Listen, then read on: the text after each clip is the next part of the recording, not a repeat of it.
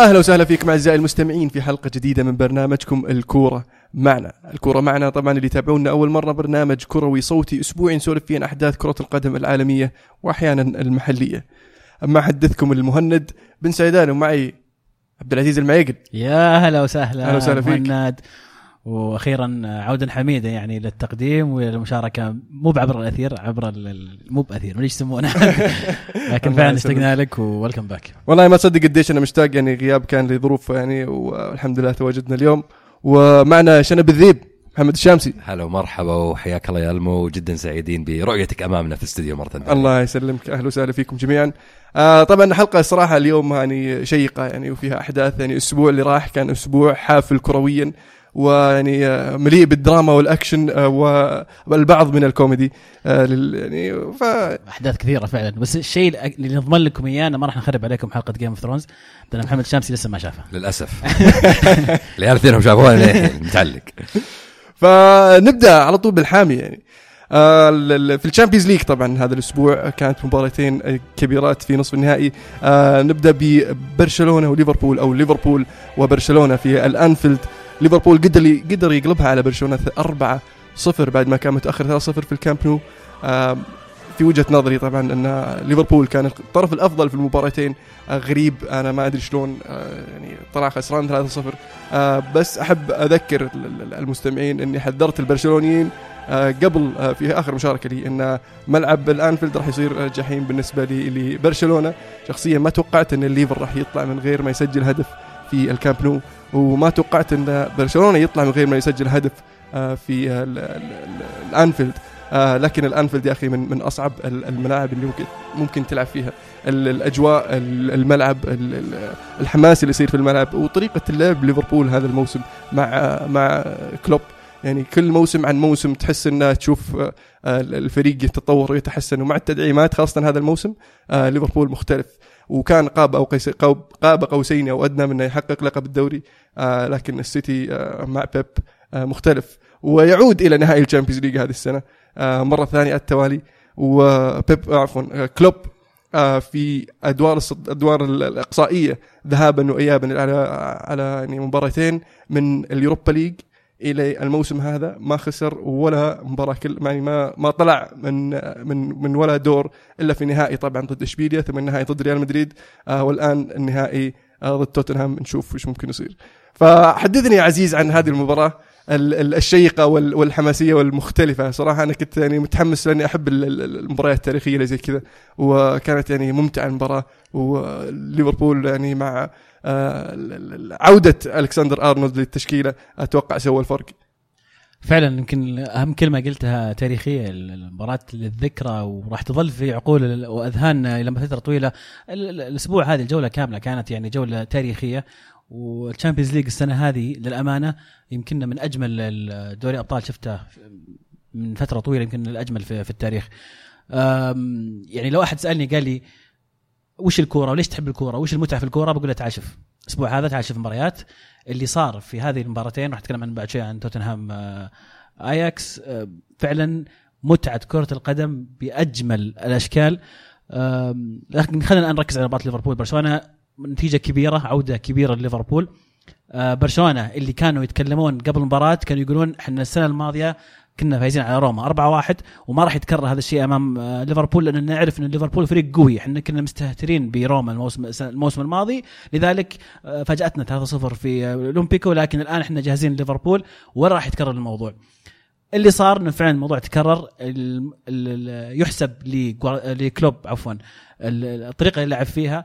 الأهداف جت ما جت كلها بدري لو جاء اهداف بدري أنا أتوقع أن برشلونة كان ممكن يكون له ردة فعل مبكرة ولكن لو تلاحظ الأهداف جت بتدرج ممتاز كان في صالح ليفربول بشكل رائع الهدف. المبكر عفوا الهدف المبكر اللي سجل ليفربول هذا عطاهم تبيه عطى, أنت. عطى هذا ليفربول. الثقة أنهم يقدرون يسوونها فعلا لو تفتح الدفتر حق الريمونتادا كي- كيف تسوي ريمونتادا تسجل هدف كذا مكتوب. فيه تسجل هدف بدري ثم تقسم باقي أهداف على المباراة وهذا اللي فعلا سواه ليفربول بالضبط ال- ال- ال- العجيب إن برشلونة كنت حاسس إنهم كانوا مرتاحين نوعا ما. آه، حتى لما ليفربول سجل الهدف الثاني تحس إنهم كانوا مرتاحين ضامنين إنهم يقدرون يمسكون المباراة إلى نهايتها من غير ما آه، يخسرون. آه، الغريب إن بعد ما جاء ال- ال- الهدف الثالث جاء بعد على طول الرابع ويعني والثاني والثالث جو ورا بعض والرابع كان قريب منهم نوعا ما. ف برشلونة يا أبو شامسي بسألك ما تحس إنه يفتقدون إلى قائد مثل يعني لما كان عندهم تشافي كان عندهم واحد زي ماسكيرانو أيام ماركيز هذول اللعيبة لما يصير عندك لاعب زي كذا قائد في نص الملعب في في- يعني في في الملعب أثناء المباراة ممكن آه، يشحذ همم اللعيبة يخليهم يركزون أكثر يقدمون مستوى أفضل من اللي قدموه. شوف خاصة في الأوقات اللي زي كذا المحرجة يعني. يعني القائد اللي المفروض يعني تتوقع إنك تلقاه في برشلونة غير ميسي طبعا آه بيكي. يعني بيكي من العناصر اللي موجودة من بدايات برشلونة مع بيب جارديولا من بدايات الصعود القوي اللي شفناه على آخر فترة 10 سنين. بس اللي صار في المباراة غريب يا ألمو. يعني قالوها كثير قبل الم... قبل بداية المباراة إن أنفيلد ممكن يكون أصعب مكان برشلونة يروح يلعب فيه آه يعني second leg برشلونة كان مرتاح كان ضامن 3-0 اللي صار أنا بالنسبة لي يعني انهيار تام من برشلونة من بداية المباراة ليفربول ضغط عليهم ما ترك لهم مجال يتنفسون ما ترك لهم مجال يلعبون ما ترك لهم مجال يتحركون بالكرة زي العاب الناس ف يعني التحية بصراحة اولا. اولا يعني وأخيرا تعود إلى كلوب على على أداء الممتاز في تحفيز اللعيبة وتحميسهم للمباراة هذه آه كلنا توقعنا أن ليفربول يعني من المستحيل مو بس لأنها 3-0 من المستحيل لأن ما عنده من أهم عناصر اللي عنده اللي هم فيرمين وصلاح. بس مع ذلك أثبتوا لك ليفربول إنهم فعلا فريق. بمن حضر ليفربول. يعني. نعم نعم فعلا فريق وما يعتمدون على عنصر عنصرين على أساس إنهم ينجحون. يعني شفنا كثير فرق ممكن تعتمد بزيادة على عناصر زي مثلا مدريد يعتمد على كريستيانو آه، برشلونة ممكن يعتمد على ميسي بس أثبتوا ليفربول إنهم ما يحتاجون العنصر الواحد إنهم ينجحون. وبصراحة يعني المباراة كانت على قولتك يا الكس من أمتع المباريات اللي شفناها في ال Champions League. أتوقع النصف النهائي اللي شفناه السنة هذه من أفضل آه، نصف نهائيات على مدى آخر 15 سنة في ال Champions League على الأقل. وبصراحة يعني تحية لليفربول على الأداء الرائع. فعلا والتدعيمات اللي سواها ليفربول يعني مهمة جدا. يعني شفنا الموسم الماضي في النهائي لما أصيب صلاح ما كان في بديل لكن هالسنة شفنا شكيري يلعب مكانه. آه لما آه لما أصيب كيتا هذا الموسم شفنا عودة عودة آه شو اسمه آه هندرسون إلى التشكيلة الأساسية ومع وجود فابينو في خط المحور. آه آه اي هذه هندرسون ت- التغير اللي سواه رائع لأنه كان كان يسبب مشكلة كثيرة على ليفربول في مركز المحور. ومو بهذا المركز ال- اللي يبدع فيه أو. كويس فيه. مع وجود آه، فابينو أو حتى كيتا سابقا تحرر هندرسون على الطرف صار يلعب box to box وصار فعلا يقدم مستويات جيدة. ولا وغير كذا يعني التبديل اللي سواه كلوب آه يعني سحب روبرتسون وتدخيل هذه هذه هذه كنت بذكرها هذه كنت. بذكرها يعني ما لكن أبغى أرجع لسبب التبديل طبعا سبب التبديل حركة سواريز الوسخة اللي اللي ادت أدت إلى انهيار برشلونة بخروج روبرتسون ونزول فينالدوم اللي سجل في ثلاث دقائق هدفين. آه طبعا آه يقول لك رب ضارة ل- آه لليفربول. لكن سواريز يعني بالنسبة لليفربوليين وال- وال- والحركات اللي سواها آه احتفاليته في في ال- ال- ال- الكامب نو آه والتمثيل ال- ال- الكثير اللي شفناه في آه ال- ال- الانفيلد طبعا لما تصير أنت تتابع اللاعب هذا يعني كان مشجعين ليفربول وقتها كان الجمهور يشتكي منه هذه الأشياء الجمهور الأندية المختلفة ال- ال- الثانية. لكن ليفربول الحين اتضح لهم وش كان يشتكي منه الجمهور الأندية الثانية من طرق سواريز. لكن يظل سواريز يعني يشهد له أنه يلعب بقتالية دائما وهذا شيء يشهد له. بس الحركات اللي اللي ما لها داعي هذه ما زالت فيه يعني انقلبت عليه يعني فعلا. خروج روبرتسون وعدم دخول واينالدم إذا ما كان قاعد روبرتسون روبرتسون قاعد في المباراة وما دخل واينالدم ما كان شفنا التحول أتوقع ما اللي شفناه ممكن ما شفناه. صح ما كان شفناه بس ممكن, ممكن ما ممكن شفناه. فعلا يعني. ممكن بس آه، يعني نقطة ثانية كمان تنحسب إلى كلوب والفريق كله يعني مو بس ال- الفريق الإداري في آه، في ليفربول يعني حتى المدربين أن النقطة اللي صارت الهدف الرابع لو انتبهتوا يا شباب الهدف الرابع آه، صار بسرعة كلنا لخمنا ما استوعبنا إحنا وش صار تقريبا إلا يوم دخل هدف صارت الإعادة. فيقول لك إن كلوب آه، خلال تجهيزاته للمباراة لاحظ نقطة إن لعيبة برشلونة كانوا دائما يتشك يتشكون ويتدمرون كل ما انعطى ضدهم فاول اللي صار في كورنر. فعطى خبر للمدرب المسؤول عن آه، اللي هم اللعيبة الشباب اللي يلقطون الكور في المباراة انه يا جماعة أول ما تطلع الكره ليفربول على طول رجعوها. فصارت النقطة هذه المباراه في الدقيقة 79 هدف الرابع ال- ال- واحد من الشباب رجع الكره لترنت آه، أرنولد. أرنولد لاحظ إن لعيبة برشلونه ما كانوا مستعدين الكرة في مكانها بسرعة البديهة أخذ الكورنر حطها هدف رابع صاعقة كانت بصراحة يعني. أنا هذه بالنسبة لي يعني آه، ألوم. طبعا ذكاء ممتاز جدا من ليفربول بغض النظر عن فعلا هذه يعني هذا الواقع ولا لا لكن بطء برشلونة في التغطية ووقوفهم بهالشكل أصلا في المنطقة واقفين عند خط 18 وجود آه، أوريجي الحاله قدام بيكي بعيد عنه مرة. كيف تقدر أنت قبل الركني ما تصف لعيبتك بشكل منظم تكون مستعد لو ترجع لو ترجع تشوف الصورة كان في واحد واقف إذا ماني بغلطان فهو فان دايك حول فان دايك ثلاثة عند خط 18 صح؟ إي كذا. كذا وراه وراهم ورا ثم في القوس اللي مسوينه اللي كان واقف وسطه ورجي ورجي مخلينا الحالة ال- ال- ال- يعني لقطة عجيبة بصراحة بالنسبة ولا هو. بيني بينك لعبوا عليهم هم الصراحة لأنه حطت الكورة ترنت. مشى تركها شاكيري كان جاي على طول رجع التفت ترنت والكورة كانت ثابتة لعبها على طول فاللعبه صحيحة ما فيها أي خطأ بس برشلونة يعني في الحالة هذه دقيقة 80 خسران 3-0 تحتاج إنك تمسك نفسك وين التركيز يعني هذا هو فعلا. التركيز فعلا هذا هذا نرجع لنقطة القائد. طبعا ميسي وبيكي يعني آه، قدام في الفريق لكن ينقصهم بعض ال- الخصائص ال- ال- القيادية واللي بالنسبة للقائد اللي آه، يحتاجها الفريق في هذه ال- ال- ال- ال- الأوقات ال- العصيبة بالنسبة لأي فريق يعني. ولا وبصراحة كان في يعني كان في يعني بصراحة لعيبة ما أدري إيش قاعد تسوي في الملعب. يعني آه، كوتينيو غير موجود في الساحة تماما. الظهير الأيسر ناسي اسمه حق برشلونة. ألبا؟ أل- ألبا جاب العيد البا ألبا جاب العيد جاب العيد جاب العيد. يعني الهدف. الأول ماذا تفعل؟ ماذا تفعل يا رجل؟ ف لا شيء عجيب بصراحة. والمضحك بصراحة انه كمان طلعت بعد المباراة إن كلوب قال لي كوتينيو قبل الانتقال لبرشلونة قال اقعد عندنا. جماهير ليفربول بعد عم بعد يعني ما تطلع بيبنوا لك تمثال قدام الملعب. روح أي مكان ثاني بتصير مجرد لاعب آخر. واللي صاير الحين إن برشلونة يقول لك إنهم قاعد يبحثون إن لاعب آه نادي يجي يشيل كوتينيو منهم لأنه خلاص اللاعب مو ماشي. ف بصراحة صعبة جدا على البرشلونية. ريمونتادا سنتين ورا بعض آه غير متوقعة مفاجئة تماما. أنا ما أدري كيف ممكن يرجعون يعني. السؤال المشكلة وين؟ في اللاعبين ولا في المدرب؟ أنا أشوف إنه في اللاعبين أكثر من المدرب. وهذه نقطة جميلة، الأسبوع الماضي إحنا تكلمنا عن عن فوز برشلونة على ليفربول في في الكامب نو، تكلمنا عن كيف استطاع فالفيردي مع الفريق يمتصون الضغط اللي كان يجي من ليفربول ويستغلون أربع فرص كان لهم جابوا ثلاث أهداف. يعني efficiency عالي جدا من من برشلونة. بس بس يعني خلينا النتيجة واقعيين. شوف النتيجة أنا معك 3-0 قاسية ما تعكس، ولكن برشلونة عرف يتعامل مع ليفربول في الكامب نو. لعبوها صح يمكن يمكن لو هدف محمد صلاح أو ت- محاولة محمد صلاح في الدقائق الأخيرة كانت غيرت موازين كثيرة في ال- في ال- في المباراتين آه، ولكن الواقع يقول إنه فعلا برشلونة طلع بنجاعه عاليه جدا في مباراة الذهاب واستطاع أن يفوز 3-0 كانت كويسة بس خلينا نكون واقعيين. فالفيردي تحسب فالفيردي خلينا خلينا نكون واقعيين. يعني ال- الهدف الأول بالنسبة للمباراة الأولى اللي سجله سواريز هدف رائع. آه، العرضية من ألبا وكيف آه، هرب آه، متكتك. سواريز من بين المدافعين ولقطها. لكن الهدف الثاني تعريف السلكة. يعني قطعها مدافع ونطت راحت لسواريز أعطاها ركبه صقعت في القائم رجعت لميسي سبحان الله عند خط الست الباب فاضي. ال- الهدف الثالث فاول رائع لكن لا ننسى أن ميسي قدم الكرة 4 متر قدام أساس يقدر يحطها. فيعني فيها أنا أقول لك 3-0 نتيجه يمكن ما تعكس الواقع اللي صار ولكن اللي يحسب لهم إنه فعلا كل فرصة جتهم استغلوها برشلونة. فنرجع الآن لمباراة الإياب. هل فعلا فالفيردي نقدر نحمله جزء من كبير المسؤولية؟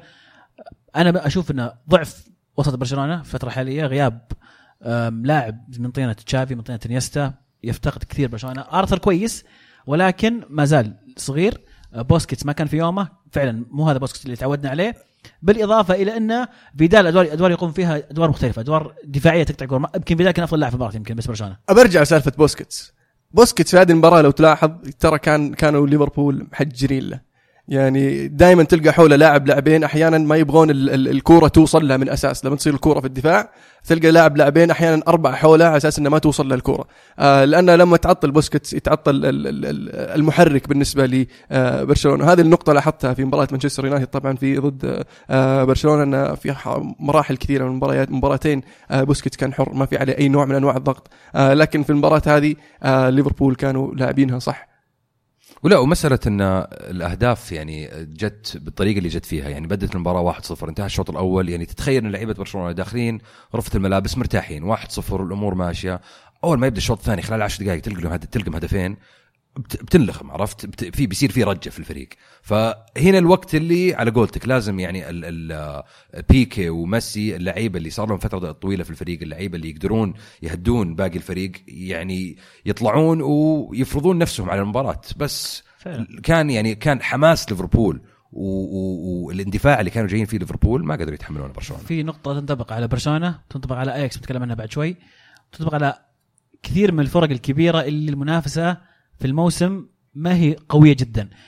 ما يعرفون وين يتصرفون لما يتأخرون أو يبدأ يجي عليهم ضغط وأهداف. متعودين في الدوري دائما هم اللي يفوزون هم متقدمين. لاحظت بالتحديد مع اليوفي السنة هذه اليوفي متعود إنه جايبالي فرق أقل منه في المستوى فغالبا غالبا هو اللي يتقدم.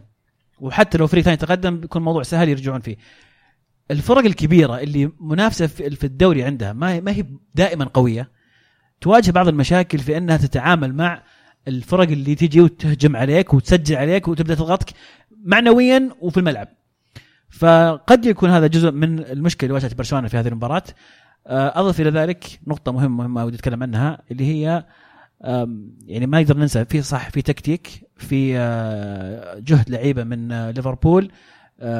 في يعني دراسة جيدة للمباراة من كلوب ولكن الروح اللي دخل فيها ليفربول والروح اللي زرعها العقلية اللي زرعها كلوب في لعيبة ليفربول قبل المباراة لها الدور الأكبر. الدعم الجمهور زي ما قلت في الانفيلد كيف كان رائع.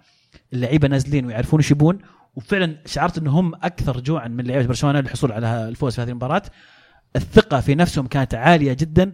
لاعب زي آه ترنت كم؟ عمره 20 سنة يلعب بهذه الطريقة اللعيبه على أعلى مستوى يقدمون أجمل آه، ال- ال- المستويات في هذا في نصف النهائي وانت خسران قدام برشلونة. 3-0 الذهاب ترى تحسب العقل يعني الناس لازم ما تقلل من الجانب الذهني اللي دخلوا فيه ليفربول لأنه فعلا كان له دور كبير في حسم هذه المباراة. ولا ننسى أن برشلونة كان مريح لعيبته في مباراة الدوري لأن كان حاسم الدوري مريح 11 لاعب بينما ليفربول كان يحارب على اللقب ويلعب ضد نيوكاسل خارج ملعبه. آه ف آه ليفربول خطف الثلاث نقاط ضد نيوكاسل ورجع يركز على مباراة برشلونة بعدها بثلاث أيام. و يعني المفروض انه يصير برشلونة في حال أفضل آه، من اللي اللي يكون فيه آه، ليفربول خاصة إنهم مرتاحين أسبوع كامل. آه، لكن آه، ليفربول كان يبدو لي إنه يبغاها أكثر من من برشلونة. هو هذا الجوع انت قلتها أنت قلتها يا عزيز الجوع الجوع والرغبة في ال ال يعني ليفربول للأسف السنة الماضية يعني وصل نهائي ال Champions وما قدر. السنة هذه يعني بنتكلم فيها في فقره ال Premier League بس إنه كافح ووصل إلى أبعد ما يقدر يوصل له وما وصل. فهذه الفرصة الأخيرة له أنه يحقق بطولة بصراحة يستحقها كلوب بصراحة يستحقونها ليفربول أنا بالنسبة لي ليفربول ممكن يكون من أفضل الفريقين في أوروبا على آخر مدى على سنة آخر سنتين ويعني هنيئا لهم آه، من هاشتاج الكرة معنا هلا مدريد يقول يكفي كلوب الوصول لنهائيين متتاليين للأبطال لو لم يحقق أي شيء آخر. يعني الجميل صحيح. إنه النهائي بين مدربين كلهم كانوا يتكلمون عن انه كيف ولا واحد فيهم حقق أي بطولة مع انديتهم الحالية. مع انديتهم الحالية طبعا إيه. أم، أيضا بدر يقول فوز مستحق لليفربول والإحصائيات تقول أن برشلونة يضيع بداية المباراة وأن أكبر نسبة أهداف يستقبلونها بين الدقيقة 45 و60 والظاهر أنكم نسيتوا لما توقعتوا نتيجة الذهاب في الحلقة الماضية أن ما في شيء اسمه مستحيل على المجنونة. فعلا ما في شيء اسمه مستحيل. والله الجولة ذي كسرت كل الأشياء. ال Champions بشكل عام السنة هذه يعني قلبت الموازين بصراحة. إيه، سنه سنة الريمونتادات سنة ال- ال comebacks فعلا. سنه المفاجآت. سنه المفاجآت. ال- ميسي وعد جمهور برشلونة في بداية الموسم إنه راح يعود آه، كأس ال Champions قاعد League وراك قاعد تنتقي إلى- الصاري حقت ميسي. طيب الحين والنقطة هذه لازم تذكر لأن الحين الحين خسروا من روما. طبعا تخسر من روما وأنت نادي برشلونة بالنسبة لي أنا عيب. بس أنا تخسر من نادي زي ليفربول مو بعيب أبدا. صح. آه لكن آه في. في تساؤلات. معلش. في تساؤلات؟ لا معلش عيب عيب زي ما عيب إنك تخسر من توتنهام بعد يعني. لا والله مو بعيب. توتنهام هذا مو بعيب تخسر. معلش أبد. معلش. أبد. إذا إذا صح فريق كويس وكذا والأمور هذه لكن آه، كفريق يعني آه، عنده خبرة أكبر في في في في في دو- دوري الأبطال وفريق عنده آه، باع في دوري الأبطال كعبه أعلى إنك يعني طيب نرجع لميسي. أنا ودي أتكلم عن ميسي شوي. حلو. ميسي يعني آه، وعد وعد آه، جمهور برشلونة بالعوده عودة الكأس ال Champions League إلى آه، الكامب نو. وجمهور برشلونة طبعا طاروا بهذا الوعد آه، ويعتقدون أنه يعني آه، شخص قادر على الحفاظ بوعده كأشخاص آخرين لكن آه، مو مو بكل من يوعد يقدر يحافظ بوعده بس ما وش بتلوم ميسي عليه؟ أنا هذا السؤال بس وش بتلوم ميسي عليه؟ يعني ميسي ما ما لوم ما لوم ميسي أنا ما ما لوم ميسي بس أنا أقول إنه وعد وما قدر يوفي إيه لا بس, وعده بس هو شوف. ميسي مهما كان يلعب هو في منظومة okay ميسي في المباراة الأولى سوى اللي يقدر عليه وزود سجل الهدف الثاني على قولتك سالكه ما اختلفنا بس الهدف الثالث ترى استهبال يعني. معليش. حلو، حلو. وقف مفروض انه بالهدف الثالث قفل المباراة. العتب على العتب على؟ الوسط والدفاع حقين برشلونة في المباراة هذه. ألبا ما إيش قاعد تسوي ألبا ما إيش قاعد تسوي طول المباراة. آه كوتينيو ما إيش قاعد تسوي طول المباراة. آه دفاعك يا برشلونة في مهب الريح. يعني بتلوم ميسي على هذه كيف؟ أنا هذه كيف؟ أنا ما لمت ميسي. يعني مو هو الحالة. بس يعني يظل يعني وين كان ميسي في في الأنفيلد؟ إذا تعلمنا شيء من الج... من ال Champions League السنة هذه إنه حتى لو عندك ميسي وحتى لو عندك رونالدو ما يكفي لاعب واحد. عمره إيه، ما هو يكفي. لازم تلعب فريق كامل فعلا. فولا نفس بنفس المنطق ما نقدر نلوم أحدهما على ضياع التأهل أو الفوز بالبطولة هذه. طب هذه بس يعني أض- اضيف لك نقطة يعني بدام إنك ذكرت رونالدو يعني. لا بس هذا- رونالدو سجل في مباراة الذهاب والإياب ضد آه، أياكس لكن الفريق ما خدمه. يعني ال- ال- ال- ميسي يعني آه، في مباراة روما آه، اختفى في آه، الأولمبيكو في مباراة ليفربول آه، اختفى في ضيع آه، انفرادة. ضيع مو كرة في- كانت قدام الباب لو ما تسهل فيها كان في مباراة مانشستر يونايتد ما كان له حضور في الأولد ترافورد مع إنه يعني مانشستر يونايتد ليس بمستوى يعني ليفربول. آه، ف آه، عدم ظهور ميسي في مباريات خارج ملعبه بالإضافة إلى سواريز بعد في في ال Champions League آه، يعني يخليك تتساءل. يعني تلقاه يجلد في الليغا رايح جاي وطبعا في الكامب نو لما يلعب في ال Champions League لكن في مباريات كثيرة حاسمة كبيرة ضد فرق كبيرة تلقاه يختفي في في لما يلعب الفريق برشلونة خارج أرضه. بس أنت تعال شوف ليفربول هجوم ليفربول هجوم عفوا برشلونة يعني في ال Champions League. هل كوتينيو سوى شيء قدم في ال Champions League السنة هذه؟ لا. هل حتى سوار- حتى سواريز هل سواريز برا برا. أرضه في في في ال Champions League صار له يعني ما سجل من الظاهر 2015 مثل 2016 ما هذا قصدي. يعني سواريز يعني السنة هذه في- الاقصائيه السنة هذه في سواريز في ال Champions League ترى عنده هدفين بس. فبالتالي أنت معتمد على ميسي بشكل كامل من الناحية الهجومية ترى غلط. هذه مشكلة برشلونة إنك تعتمد على ميسي لحاله. وفعلا ترى برشلونة كان معتمد على ميسي هذا الموسم طواله حتى في الدوري. لما يريح ميسي ما يعرفون يسجلون يدخل ميسي يحسم لهم المباراة. مسكوين أربعة من ض- فياريال يدخل ميسي يجي التعادل سبحان الله. فيعني اعتماد اعتماد برشلونة على ميسي وهذا سولفنا فيها أكثر مرة. آه شيء شيء عجيب صراحة. يعني المفروض أن الإدارة تبدأ تفكر انه يعني لازم تجيب ناس تساعد آه ميسي عشان تحقق الأهداف. بس هذه يعني اثرت نقطة حلوة عزيز في كلامك على أنه ممكن يكون عندك ميسي ممكن يكون عندك رونالدو ومع ذلك تطلع، هل أخيرا وصلنا لنهاية عهد ميسي ما ورونالدو؟ عمرهم كانوا أصلا لحالهم يكفون إنه يفوزون بطولة. دائما يعني معليش صعب أنا أنا أتكلم عن آخر عشر سنين ما يفوز شامبيونز إلا فريق فيه ميسي ولا فريق فيه رونالدو، صح. آخر عشر سنين إلا تقريبا. آه، تقريبا يعني- تقريبا. يعني عندك آه لا اخر آخر ست سنين يعني. ولا يعني في- آخر مرة كانت 2013 يوم- 2013 بايرن 2012 تشيلسي 2011 برشلونة. فيعني خلينا نقول آخر تسع سنين أوكي؟ باستثناء كم من سنة. بس السؤال اللي يطرح نفسه هل أنا الحين وصلت إلى مرحلة إني ما عاد حيكون لا ميسي ولا رونالدو أفضل لعيبة في العالم؟ لا بالنسبة لي هذا الموسم أفضل لاعب ميسي. هذا العالم. الموسم؟ أفضل لاعب في الموسم هذا ميسي. ميسي ترى كان خرافي هذا الموسم. وكيف يعني برشلونة فازوا بالدوري عشان ميسي معهم. بس ترى ما خلص الموسم. إيه. أنا ما خلص الموسم. شايل برشلونة بس يعني شايل بس يعني شايل. بس يعني لما تفكر يعني ليفربول آه كانوا كفريق يعني. صح إن ممكن أبرز واحد في الموسم هذا بالنسبة لليفربول هو ماني آه لكن آه لو تلاحظ الأرقام ماني ما هو بعيد عن اللي حوله. لما تشوف توتنهام فريق فريق يعني ما في واحد كذا مميز يعني. كان والله هو الأفضل. هاري كين له دور آه سون له دور إريكسون له دور ديل علي له دور.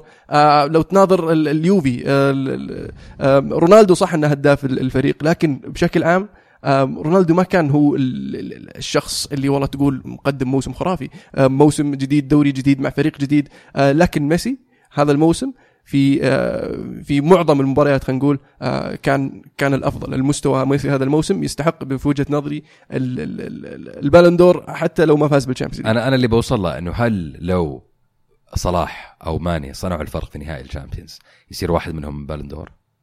فان دايك أنا أشوف ممكن فان دايك أقرب لاعب من ليفربول ممكن يكون مرشح لل Ballon d'Or ال Ballon d'Or ها؟ ممكن. interesting نختم بمشاركة من مصعب الهاشتاج. وعلموني إذا هي قاسية ولا لا في رأيكم. يقول برشلونة أصبح نسخة مشابهة للأرجنتين لا يعرفون سوى التمرير لميسي والذي قد لا يكون في يومه. عموما أول بطل غير اسباني منذ خمس سنوات. الفرق إن الأرجنتين ما يفوز بطولات برشلونة يفوزون لسه. بس من ناحية الاعتمادية أعتقد إنه الموسم هذا بالتحديد اعتماد كبير كبير على ميسي اللي أنقذهم في أكثر من آه، مباراة. لا بس شوف يعني هو هنا المشكلة.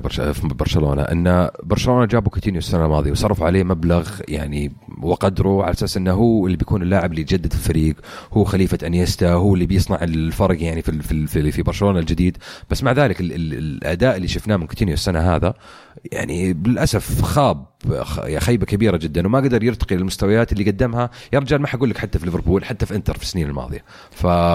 فهذه النكبة اللي نكبوا فيها برشلونة وزي ما يعني زي ما قلنا في بداية الحلقة وصلت انه ممكن برشلونة حاليا يبحثون عن آه، إنهم يتخلصون عن كوتينيو وحتى لو خسرانين فيه نص مبلغ. في وجهة نظري إن مشكلة كوتينيو إنه هو مو في في مركزه ال- ال- المفضل.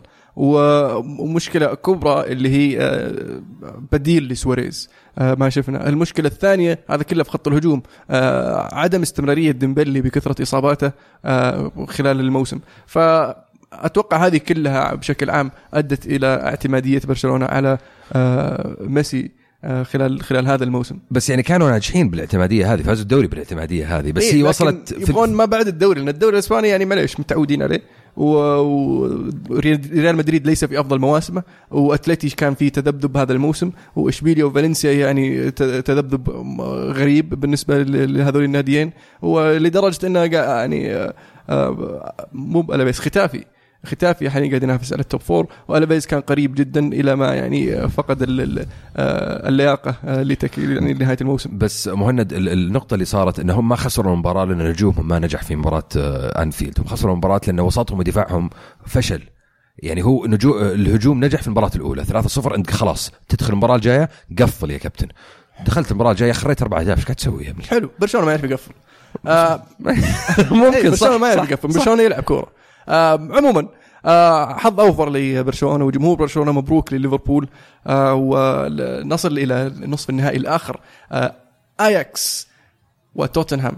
آياكس تقدم 2-0 لكن في الشوط الثاني قدر توتنهام يقلبها بتغيير بسيط سواه ال- ال- ال- ال coach بوكاتينيو لما دخل يورنتي وغصب إن يسوي ربكة في دفاع ال- الاياكس في نقطة ذكرها مورينيو أن في بعض المباريات لازم تتخلى عن فلسفتك وتحاول أنك آه توصل إلى هدفك. صحيح. لكن آه، اياكس استمر في فلسفته هذه وفي الأخير راح يتفرج على النهائي هو فلسفته من التلفزيون.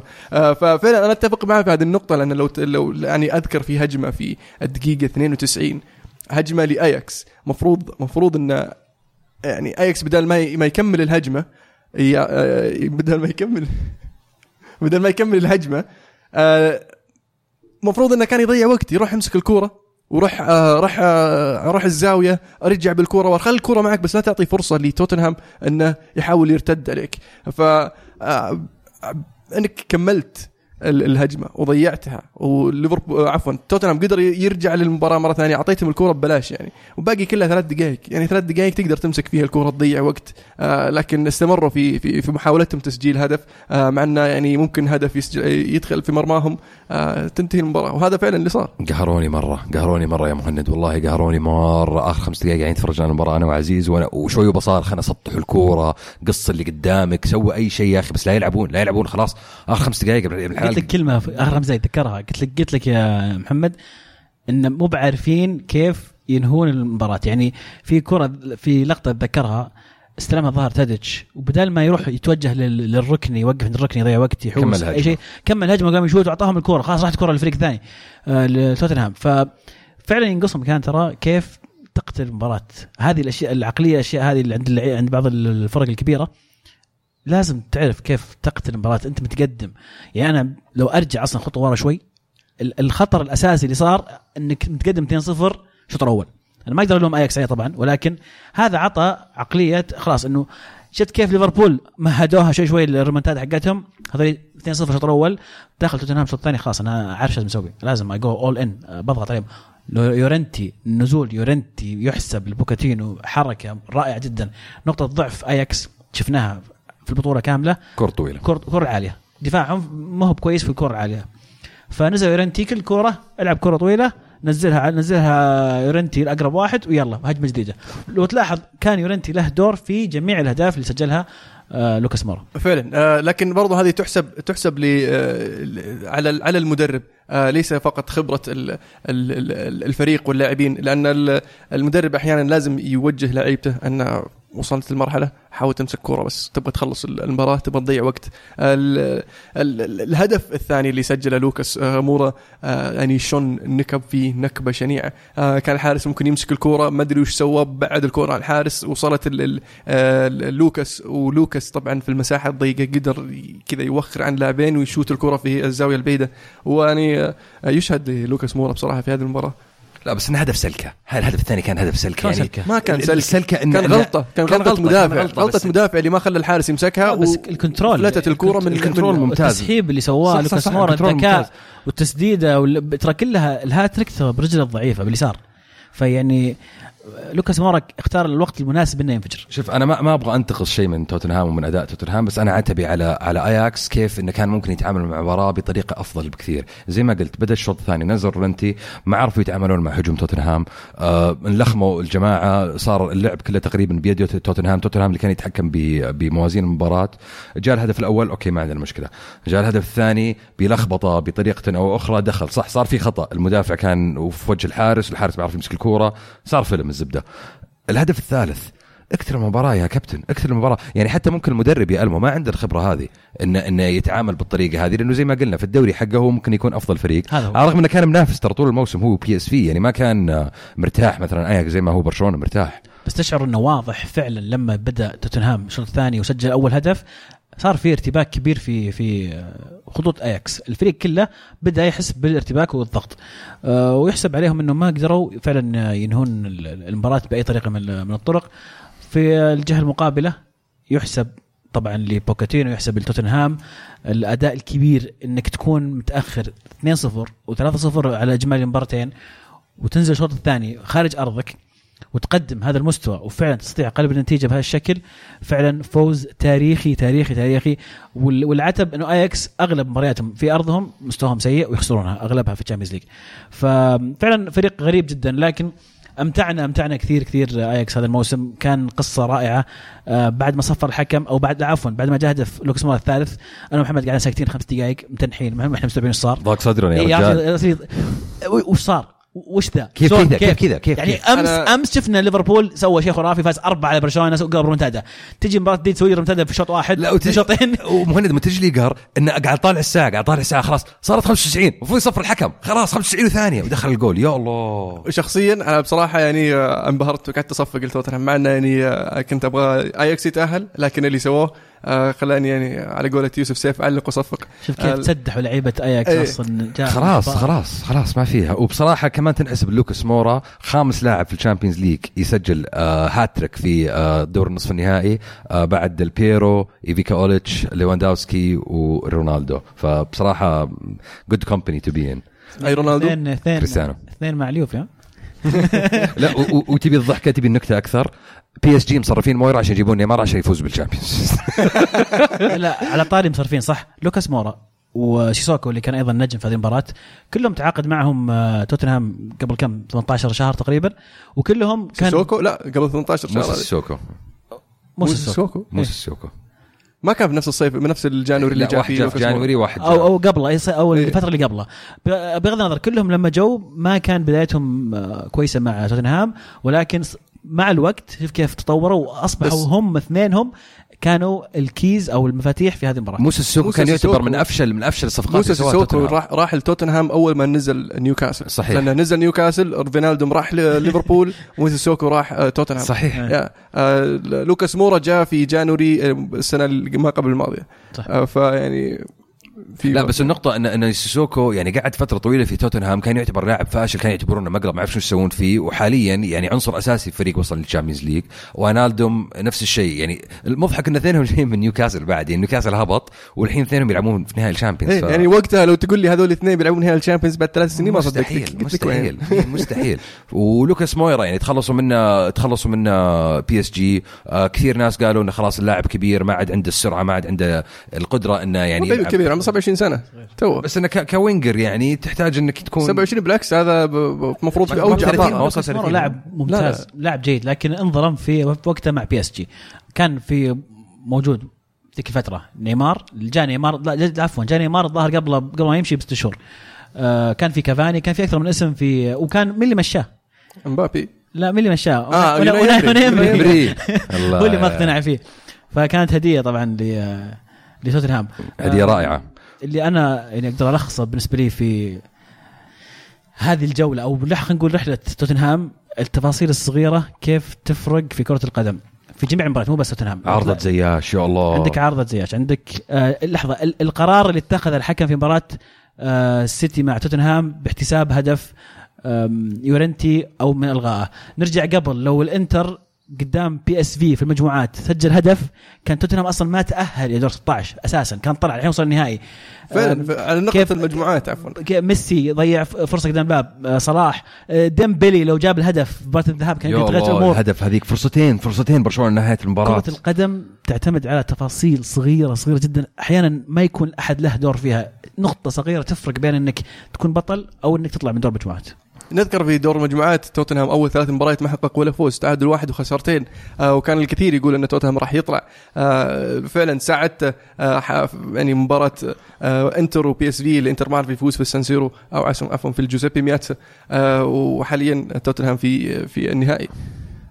ونقطة أخيرة بس على المباراة هذه تنحسب للوكاس مورا أخر هدف يفوز في مباراة في تاريخ الشامبيونز ليج والبطولة الأوروبية 96 دقيقة. حسم المباراة من بعدها. ولا ننسى الهدف اللي ألغي حق آه، ستيرلينج في مباراة السيتي.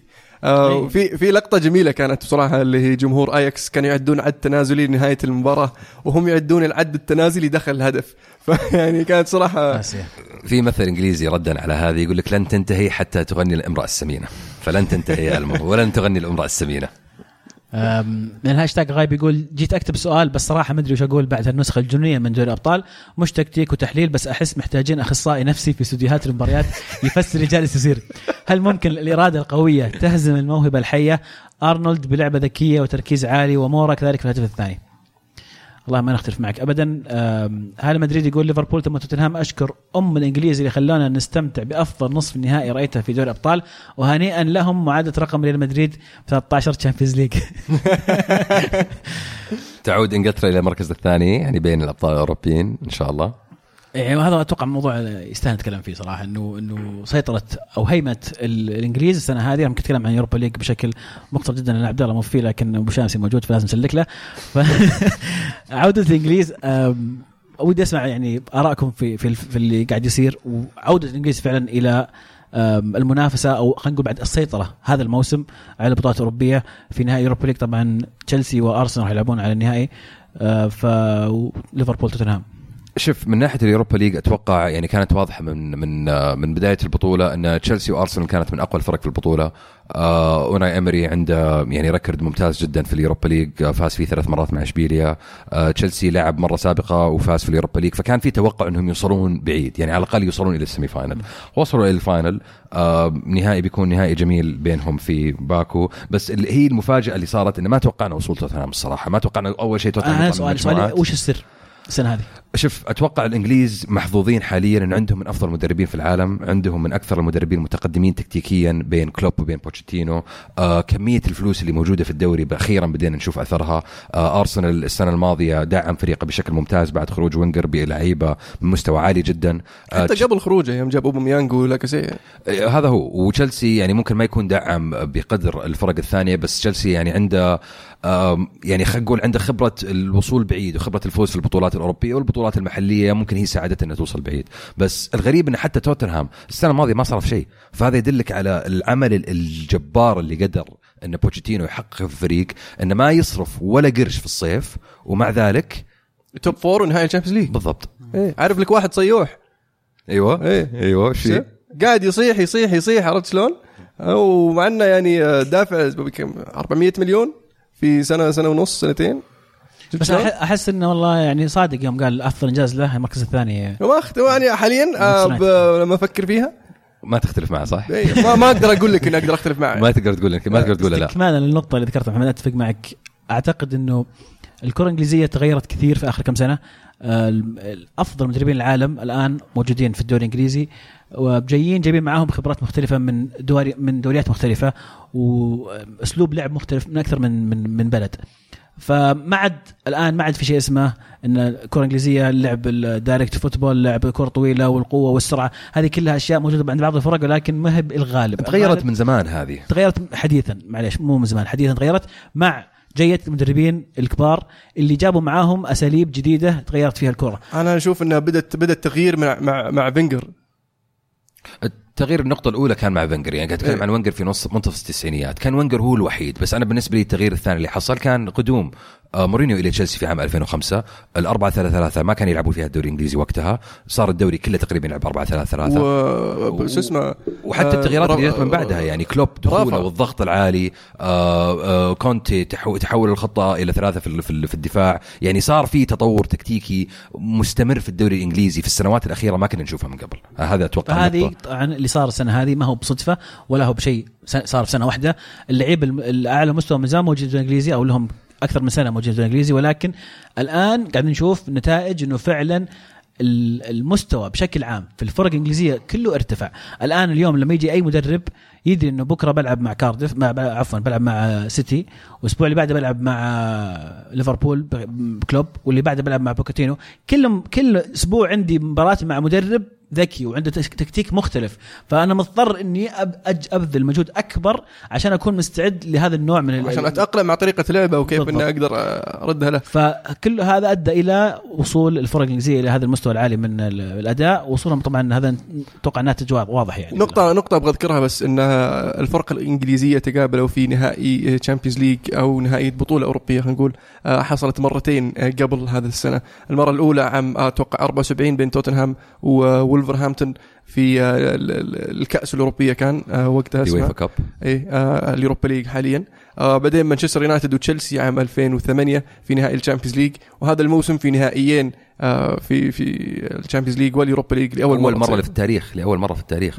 شو المضحك يا مهند؟ أن كل الفرق الأربعة. هذه كل الفرق الأربعة هذه تشيلسي- وأرسنال وتوتنهام وليفربول خسروا من وولفز. وولفز الفريق الصاعد من الدرجة الثانية.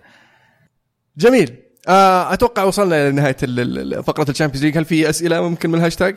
والله في كلام كثير على ال ال على ال يعني جولة زي هذه. طيب. شاركنا شاركنا شاركنا ولكن أنا ودي نخليها ل- آخر فقرة إيش رأيك؟ عشان حلو. في كثير يتكلمون عن ليفربول راح نتكلم عن ليفربول. طبعا بشكل أكبر في فقره الدوري الإنجليزي فنوصل. جميل جميل. آه الدوري الإسباني مخلص ما في شيء يعني آه، يسوى نسولف فيه. آه لكن ولا ولا ولا حتى الشيء الوحيد اللي باقي الظاهر صراع المركز الرابع. وعلى ما يبدو إن فالنسيا أعتقد هو ختافي. ختافي. ختافي خسروا قدام برشلونة 2-0 إيه. قاعد يضيعون على نفسهم الفرصه إنهم يشاركون. بس برضو يعني ترى حتى إشبيليا وفالنسيا يعني ما فازوا يعني. آه، يعني حاليا متعادلين. فالنسيا عنده 58 نقطة ختافي عنده 58 نقطة. الفرق بينهم فرق في الأهداف فرق هدف واحد فقط. فالنسيا عنده 14 هدف plus 14 وختافي عنده plus 13 فقدامك مباراة أخيرة ممكن يعني ختافي يقلبها ممكن فالنسيا يتعثر ممكن أي شيء يصير. آه، كلام على م- تغيير تدريبي في برشلونة قد يكون قريب. يبدو إنه ما في مقتنع مو مقتنعين بفالفيردي وما أقدر ألومهم صراحة. آه، ولكن من الاسم ليش الموجود جدد له مطروح. طيب؟ ليش جدد له يعني كان الكلام كثير إنه يعني هذه قد تكون فترة فالفيردي ثم أنهوا السالفة بأنهم جددوا له. طيب يعني أتمنى إنه يكون في جواب لأن شفنا يونايتد جدد مورينيو شفنا ميلان جدد جاتوزو شفنا أندية كثير جدد مدرب واشياء غير منطقية. ف من البديل؟ والله في أسماء موجودة مثل؟ في مثلا آه، تأخذ مدرب اياكس تن هاج ممكن هل هو جاهز؟ ما أدري ولكن ال- ال- المدرسة الهولندية مدرسة كرويف أتوقع إنه راح يرحبون فيه بشكل كبير أحد الأسماء أتوقع أليجري ممكن ليش لا؟ مع إنه ما أعتقد يناسب أسلوب برشلونة كثير لكن ابدا مختلف تماما مم. لا بس نقطة حلوة في الدوري الإسباني كمان. هذه ثاني سنة على التوالي. أتلتيكو ينتهي في المركز الثاني وريال مدريد ينتهي في المركز الثالث. أتلتي يعني قاعد فعلا يعني يحتفظ على مكانه في في آه، المنافسة على الدوري. وتوقع يعني آه، على زيدان السنة الجاية شغل كثير مرة إنه يعني يعود لمنافسة الدوري على الأقل. فعلا. في تصريح الأخير يقول إحنا الموسم القادم راح نركز على الدوري نبغى نفوز بالدوري. آه واللي سويناه ان فزنا أربع Champions League في آخر خمس سنوات وثلاثة متتالية. هذا شيء آه آه يعني special شيء مختلف شيء يعني مو من السهل إنه يصير. آه وطموحنا حاليا وتركيزنا على الدوري الموسم القادم. و- وبالنسبة لبرشلونة في كلام قاعد يكثر على آه، جريزمان إن على ما يبدو إنه في اتفاق. وهازارد لسه المواضيع قاعدة الأخبار قاعدة تزيد إن الاتفاق تم. وإن شاء الله بوجبا يلحقهم يعني. يعني الخبر على هازارد انه تم الاتفاق على مبلغ 100 مليون يورو آه سوف يتم الإعلان آه، عنه. بعد نهائي اليورو. آه. باقي سنة على باقي سنة على عقده. يعني. أنا عرفت إني أجيب 100 مليون عليه باقي سنة على عقده يعني تنحسب أتوقع هذه الإدارة تشيلسي. واللاعب يعني بصراحة كان اداءه طول الموسم يعني جدا آه، آه، professional آه، ما سوى بلبله في الفريق ما حط transfer request معتمد على إدارة النادي إنه خلاص أنتم عارفين يعني ما أبغى أقعد أبغى أطلع أنتم عارفين وين أبغى أروح خلصوا الموضوع من عندكم. فأتوقع يعني إذا راح جريزمان إلى برشلونة وراح آه، آه، هازارد إلى تشيلسي بيكون يعني الموضوع آه، حماسي جدا يعني من الناحية الهجومية في الشامب في آه، الليغا الموسم الجاي. جميل. أتوقع ما عاد في مواضيع في إسبانيا. إلى ان يحسم الأسبوع القادم ممكن نعطي ملخص بشكل كامل عن الدوري الاسباني هذا الموسم. إيطاليا؟ لا. ما في شيء في إيطاليا؟ الترتيب غلط يا. لا نبدأ من الدوري الإنجليزي عادة بعد الدوري الإسباني. في الدوري الإنجليزي طبعا آه، السيتي يحسم الدوري للمرة الثانية على التوالي وللمرة الأولى من عشر سنوات. فريق واحد يفوز فيها بموسمين متتاليين. آه وطبعا آه آه آخر مرة سواه مانشستر يونايتد هذه المرة سواه مانشستر سيتي. فيعني مدينة مانشستر تتفوق على باقي المدن من ناحية ال- ال- ال- ال- القدرة على السيطرة على الدوري في مواسم متتالية. وموسم صراحة كان حافل والمنافسة زي ما قلنا في بداية الموسم إنها راح تكون إلى آخر جولة. آه، و- وليفربول متعنا بصراحة بمطاردته للسيتي بعكس الموسم الماضي اللي اللي خلص من بدري. آه، لكن آه، موسم يشهد ويذكر لليفربول آم، 97 نقطة أكثر عدد نقاط لمركز ثاني في الدوريات الخمس الكبرى. حطموا رقم ريال مدريد ب 96 نقطة أمام آه، أو خلف برشلونة آه، مع بيلغريني آه، وكان ال- آه، النقطة طبعا أن مدرب برشلونة هو بيب جوارديولا ومدرب مانشستر سيتي هو بيب جوارديولا. ف آه، جوارديولا يعني يثبت آه، قدرته وسيطرته على ال- الدوريات المحلية وقدرته على ال- المنافسه على الدوري ومحافظته على النفس الطويل. آه، وطبعا المواهب اللي عنده في الفريقين اللي برشلونه ومانشستر سيتي ونفس الشيء في آه، في بايرن ميونخ. آه، تعطيه ال- ال- القدرة إنه يسوي الأشياء اللي قاعد يسويها والأرقام اللي حطمها بمعدل النقاط أو معدل الأهداف وغير ذلك. عاد شوف هو صيح يعني أول شيء ألف مبروك للسيتي. بصراحة إنجاز آه، رائع. 98 نقطة تفوز فيها دوري آه، ثالث أعلى معدل أو ثاني أعلى معدل نقاط في تاريخ الدوري الإنجليزي حققها السنة الماضية السيتي ب 100 نقطة. السنة هذه ثاني اعلى معدل 98 نقطة. آه، أربع بطولات في ثمانية سنين بطولتين متتاليتين لبيب جارديولا وحتى صرح فيها جارديولا إنه هذه البطولة الأصعب اللي يفوز فيها في تاريخه. يعني أنا المنافسة إنك توصل إلى آخر جولة والفريق اللي تحتك ما خسر إلا مباراة واحدة طول الموسم ومع ذلك تفوز الدوري آه، بدليل على بصراحة يعني عبقرية. تدريبية وقوة المنافس فعلا. بس تنحسب إلى جارديولا إنه عرف إنه يمسك الفريق من يوم ما أول ما أخفق ليفربول تمسك آه، السيتي بالصدارة وما فكها. لا ولا ننسى انه كان في فرق سبع نقاط لليفربول في آه، في في منتصف يعني الموسم. ولا والمضحك إنه يعني حتى ليفربول يعني تعادل آخر آخر تعثر لهم كان أمام إيفرتون في ملعب إيفرتون تعادل 0 0 وكانوا جماهير إيفرتون وقتها آه، يعني من من من أغاني اللي كانوا يغنونها إنه خسرتوا الدوري عندنا. فتحققت فعلا وفعلا طلعوا إنهم خسروا الدوري آه، عند إيفرتون. بس آه، يعني أنا ما أدري أنا السيتي الفريق هذا من السنة الماضية عرف إنه يتحسن. أنا أشوف إنه أفضل من فريق السنة الماضية الصراحة. آه، لو كان عنده منافس السنة هذه السنة الماضية ما كانت موجودة عنده. آه، جدا بصراحة خايف أشوف إيش بيصير الموسم الجاي إذا بيكمل بيب على المستوى ذا. آه، بيب و... و... وكلوب. بالفريق اللي عندهم وراح يصير في تدعيمات في الصيف وتوتنهام 100% راح يدعمون في الصيف. آه راح يصير آه أتوقع ممكن يصير المنافسة يعني. إذا استمر بو- بوتشيتينو ممكن نشوف المنافسة آه بين ثلاث فرق يعني. وممكن توتنهام ما يفقد ال... ال... ال- المنافسة بدري يعني. ممكن يستمر إلى الأقل آخر 10 10 خمس جولات. فعلا السيتي كان يعني لما يكون عندك فريق يدفعك إلى هالدرجة تضطر إنك تقدم كل اللي عندك. لما تدفع مليار يعني برضو يعني تصير آه، تقدر. okay صح. صح. السيتي عنده عنده الأدوات كلها بيب عنده الأدوات كلها. إن الدكة اللي عنده أقوى من ثلاث أرباع الدوري في في في الدوري الإنجليزي.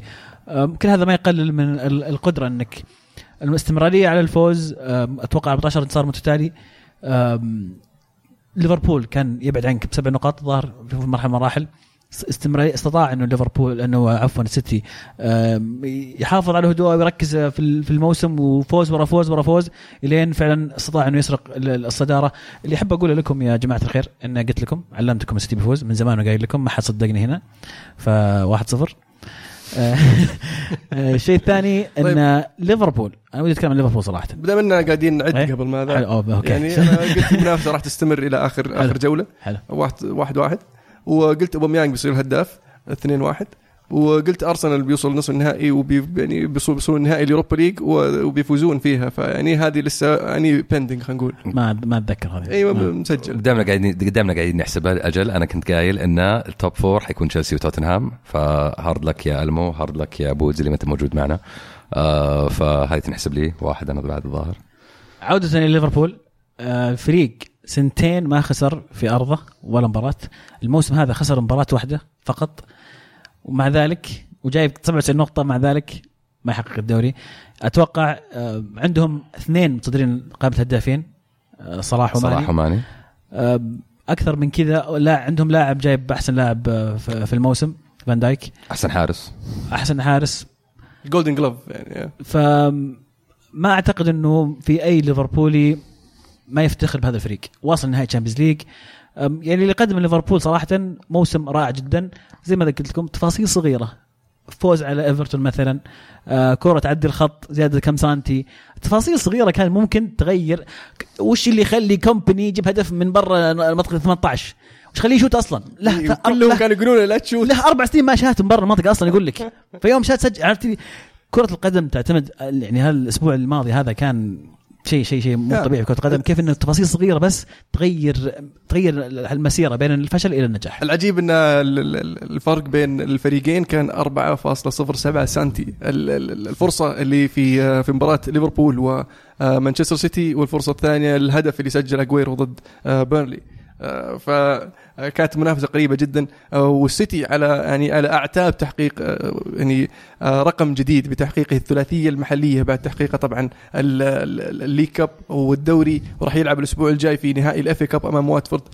فيعني اللي قاعد يسويه بيب جوارديولا شيء مختلف. بس تبي الصدق يعني ليفربول إلى حد ما أحسهم مساك يعني فعلا منحوسين إلى حد ما. يقول لك آخر ثلاث فرق تكون آه الأول على الدوري عند منتصف الموسم وما تفوز بالدوري كانت ليفربول. عام 2008 2009 مع رافا 2013 2014 أيام برندن وسواريز والسنة هذه. كلها كانت ليفربول في منتصف الموسم هو اللي هو يعني في أول القائمة وكلها خسر فيها الدوري. ف يعني أتوقع يبغى لهم يلقون لهم حل يعني. أنا أشوف ما ما عندهم مشكلة عشان يقول الحل أنا أشوف إنه بس صادفت إن السنة هذه ما ضبطت معهم. ولا أشوف إنه سووا كل شيء اللي ممكن يسوونه. يعني لو تعيد يا أخي جايب 97 نقطة. إيش تبين صح صح ما خسر صادق- واحدة صادق- بس. صادق. يعني okay التعادلات أثرت عليه لكن خسارة واحدة في الموسم كامل فأنا أشوف لو عادوا السنة الجاية نفس اللي سووه ممكن يكونوا هم هم البطل ومن بدري يعني ما مو بكل سنة بيكون في فريقين زي كذا قاعدين ينافسونك ما تتوقع السنة الجاية تكون يعني أنا بالنسبة لي كل سنة لها ظروفها إيه. لا لا بس أنا السؤال هل تتوقع فرق ال top four ال- ال- ال- الثانية آه تشيلسي مثلا وتوتنهام يقدرون يوصلون لمستويات آه ليفربول والسيتي السنة الجاية؟ مستحيل إنه يكون في أربع فرق واصلين تسعينات. ما مستحيل تصير. بيكون كلهم في الثمانينات ممكن إذا كانوا كلهم في أعلى مستوى. أو مثلا كلهم في, في السبعينات. لكن ارتفاع مستوى تشيلسي أرسنال يونايتد كل الفرق هذه كل ما ترفع مستواها لا تنسى وولفز الفرق المتوسطه يعني ننسى ولفرهامبتون أي. وويست هام. وإيفرتون وليستر سيتي. كلها هذه يعني. بترجع ال- التوازن شوي في الدوري بشكل أكبر. من الهاشتاج نواف يقول السلام عليكم. يت... بتكلم عن الليفر وأشوف الأغلب يقول الليفر صرف مثل السيتي عشان صرف موسم واحد. السيتي صرف مليار على مدار خمس سنوات ما يقارن ابدا باللي صرفه الليفر الموسم هذا بالشتوية.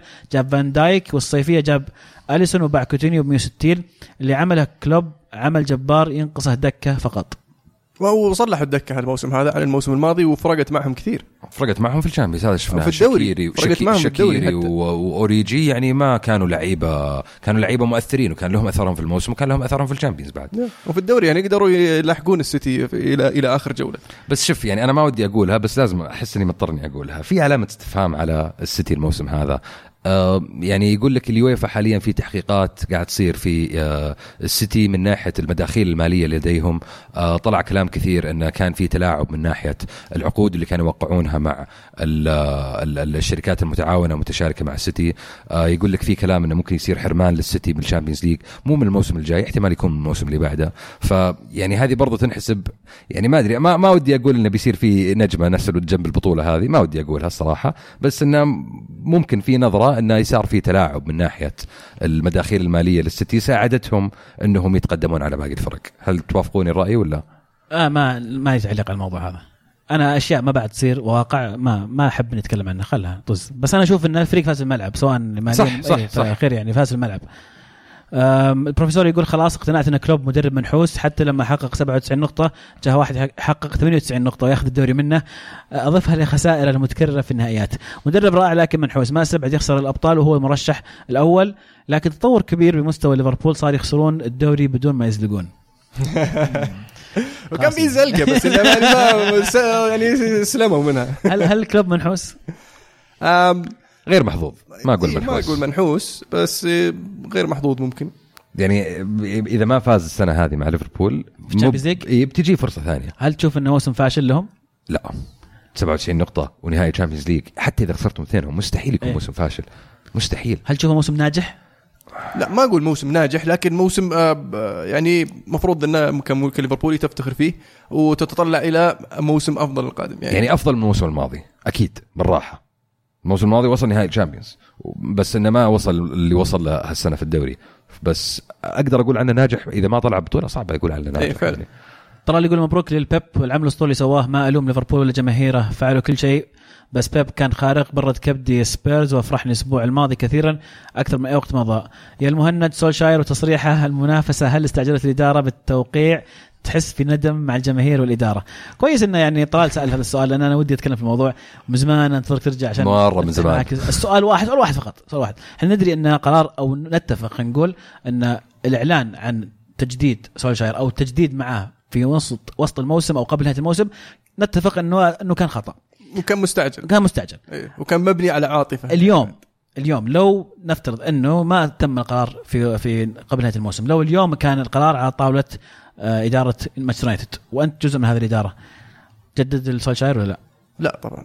خلاص. إيه. اليوم.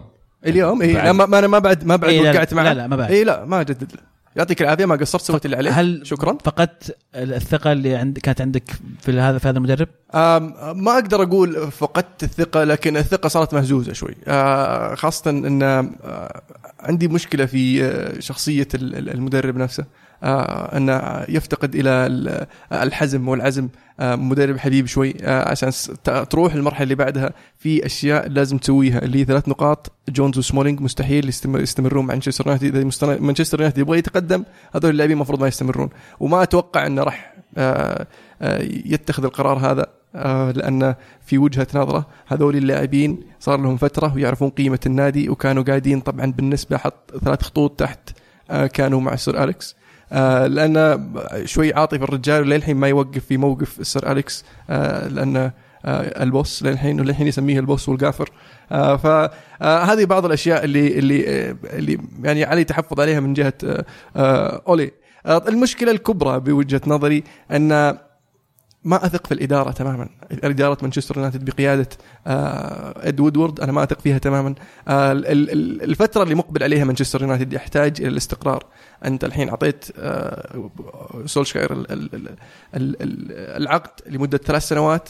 مفروض إنك الحين بنيت خطة على الثلاث سنوات هذه وش تبغى تسوي. مفروض إنك حاليا عارف من هو المدير الرياضي اللي تبغى تعينه. أول ما يخلص الموسم خلص موسم اليونايتد لكن آه، ممكن ال- ال- المدير الرياضي اللي تبغى توقع معه آه، ما زال موسمه ما خلص. آه، إذا اللي تبغى توقع معه فاضي المفروض تعلن الحين إن المدير الرياضي هو فلان الفلاني يلا تعال أقعد مع المدرب وأقعد معي أعطوني الخطة. آه، وش اللي نبغى نسويه وش اللي نبغى نوصل؟ له آه، أنا ما أثق في الإدارة إن راح تعطي الثقة التامة لأولي جونر أنه يستمر هذا الموسم. أنا أتوقع موسم آه يعني مختلف الموسم الجاي آه وممكن يكون آه عصيب برضو. آه لكن آه ما أستبعد آه إقالة آه أولي جونر في منتصف الموسم القادم آه لأن الإدارة آه زبالة. لو ما كان أسطورة من أساطير مانشستر يونايتد أو يعني لاعب سابق ما كان أتوقع حصل على اللي حصل الآن. أنا ذكرت ذكرتها يعني في يوم يوم وقعوا معه. أنا قلت إنه ودهم يستمرون إلى إلى نهاية الموسم. إيه، ودي يستمرون إلى نهاية الموسم قبل ما يعلنون آه، لأني كنت متخوف من الفترة اللي اللي صارت بعد توقيع اللي هو ال- الهبوط في المستوى آه، مباراة PSG بالتحديد؟ اي بعد مباراة PSG صار صار الفيلم. بعد مباراة PSG ثمانية خسارات تعادلين وفوزين فقط اي لأن بعد مباراة PSG اليونايتد خسر ضد ارسنال في آه، في في في الدوري ثم خسر ضد وولفرهامبتون في ال- الكاس ثم أعلنوا عن تجديد لاولي جونر بس يعني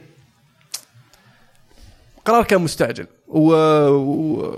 وشخصيا يعني ما زلت ما زلت مقتنع إن بوكيتينو هو المدرب الأنسب لمانشستر يونايتد. لكن بما انه حاليا مدربنا آه، أولي جونر آه، آه، راح أكيد راح أدعمه. وأنا قايلها من زمان طبعا إني أفضل انه يكون مدرب آه، يعرف النادي ويعرف قيمة النادي يعرف آه، ثقافة النادي واولي جونر يعني آه، يعرف الثلاث أشياء هذه.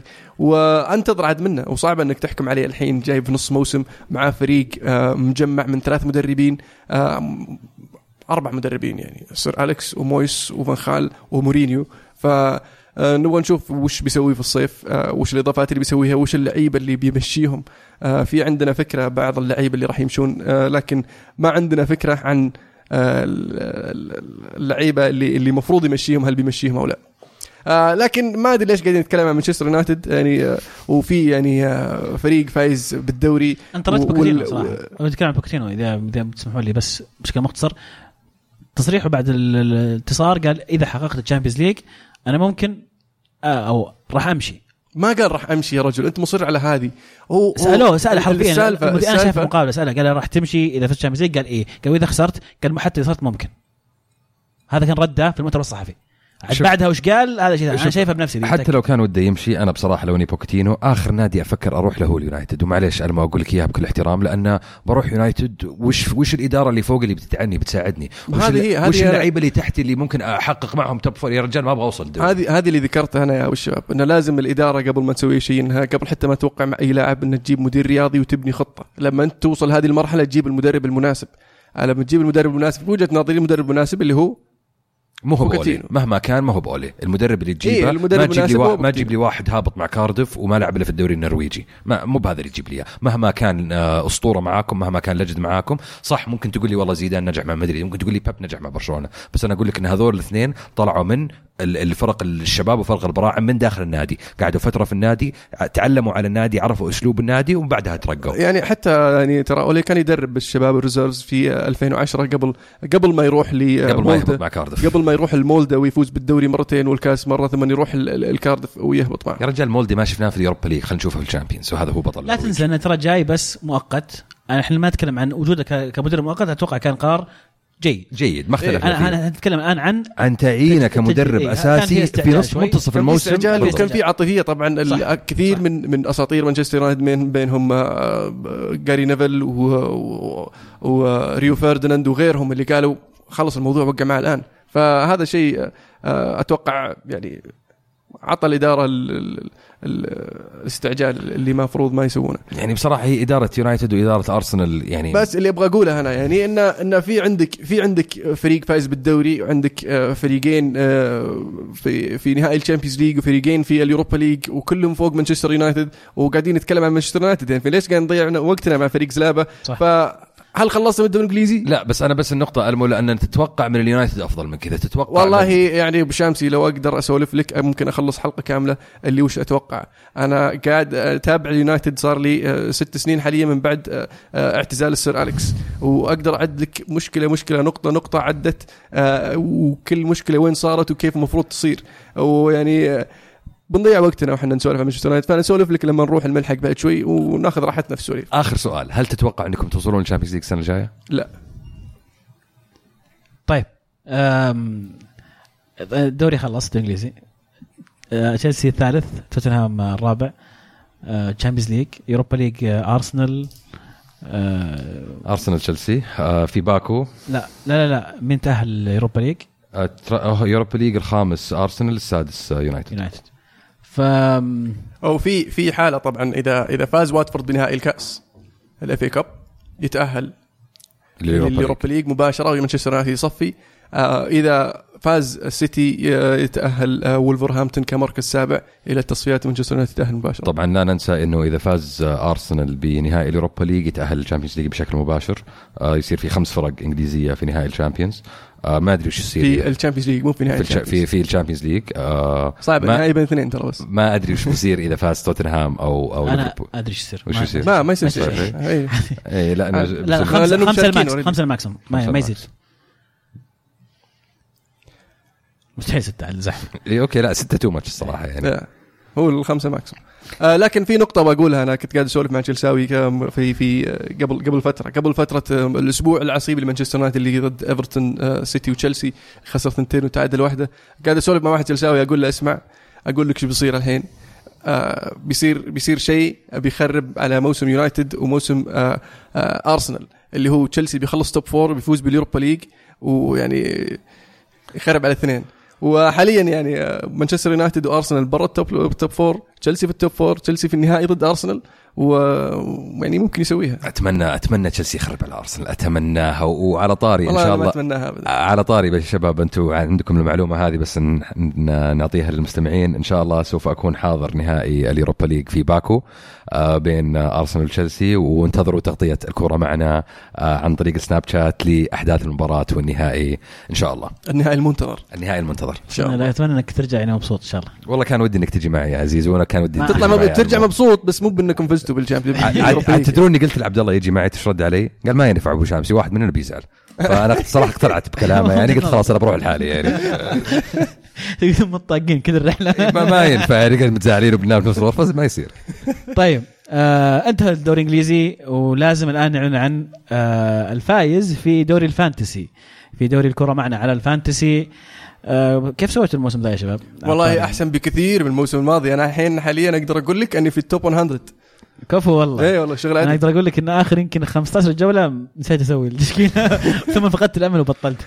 آه، أنا عن نفسي أول موسم لي ألعب آه، بصراحة fantasy فكان ممكن يكون موسم أفضل. آه، طلعت حول 300 تقريبا الظاهر في دوري FPL. 300 وشيء 300 وشيء 339 top top 400 top 400 من طبعا من من 506 نعم مشاركين مو مو شيء افرح فيه الصراحة. ومو بشيء سهل يعني منافسة صعبة بصراحة والشباب يعني ما شاء الله عليهم محترفين.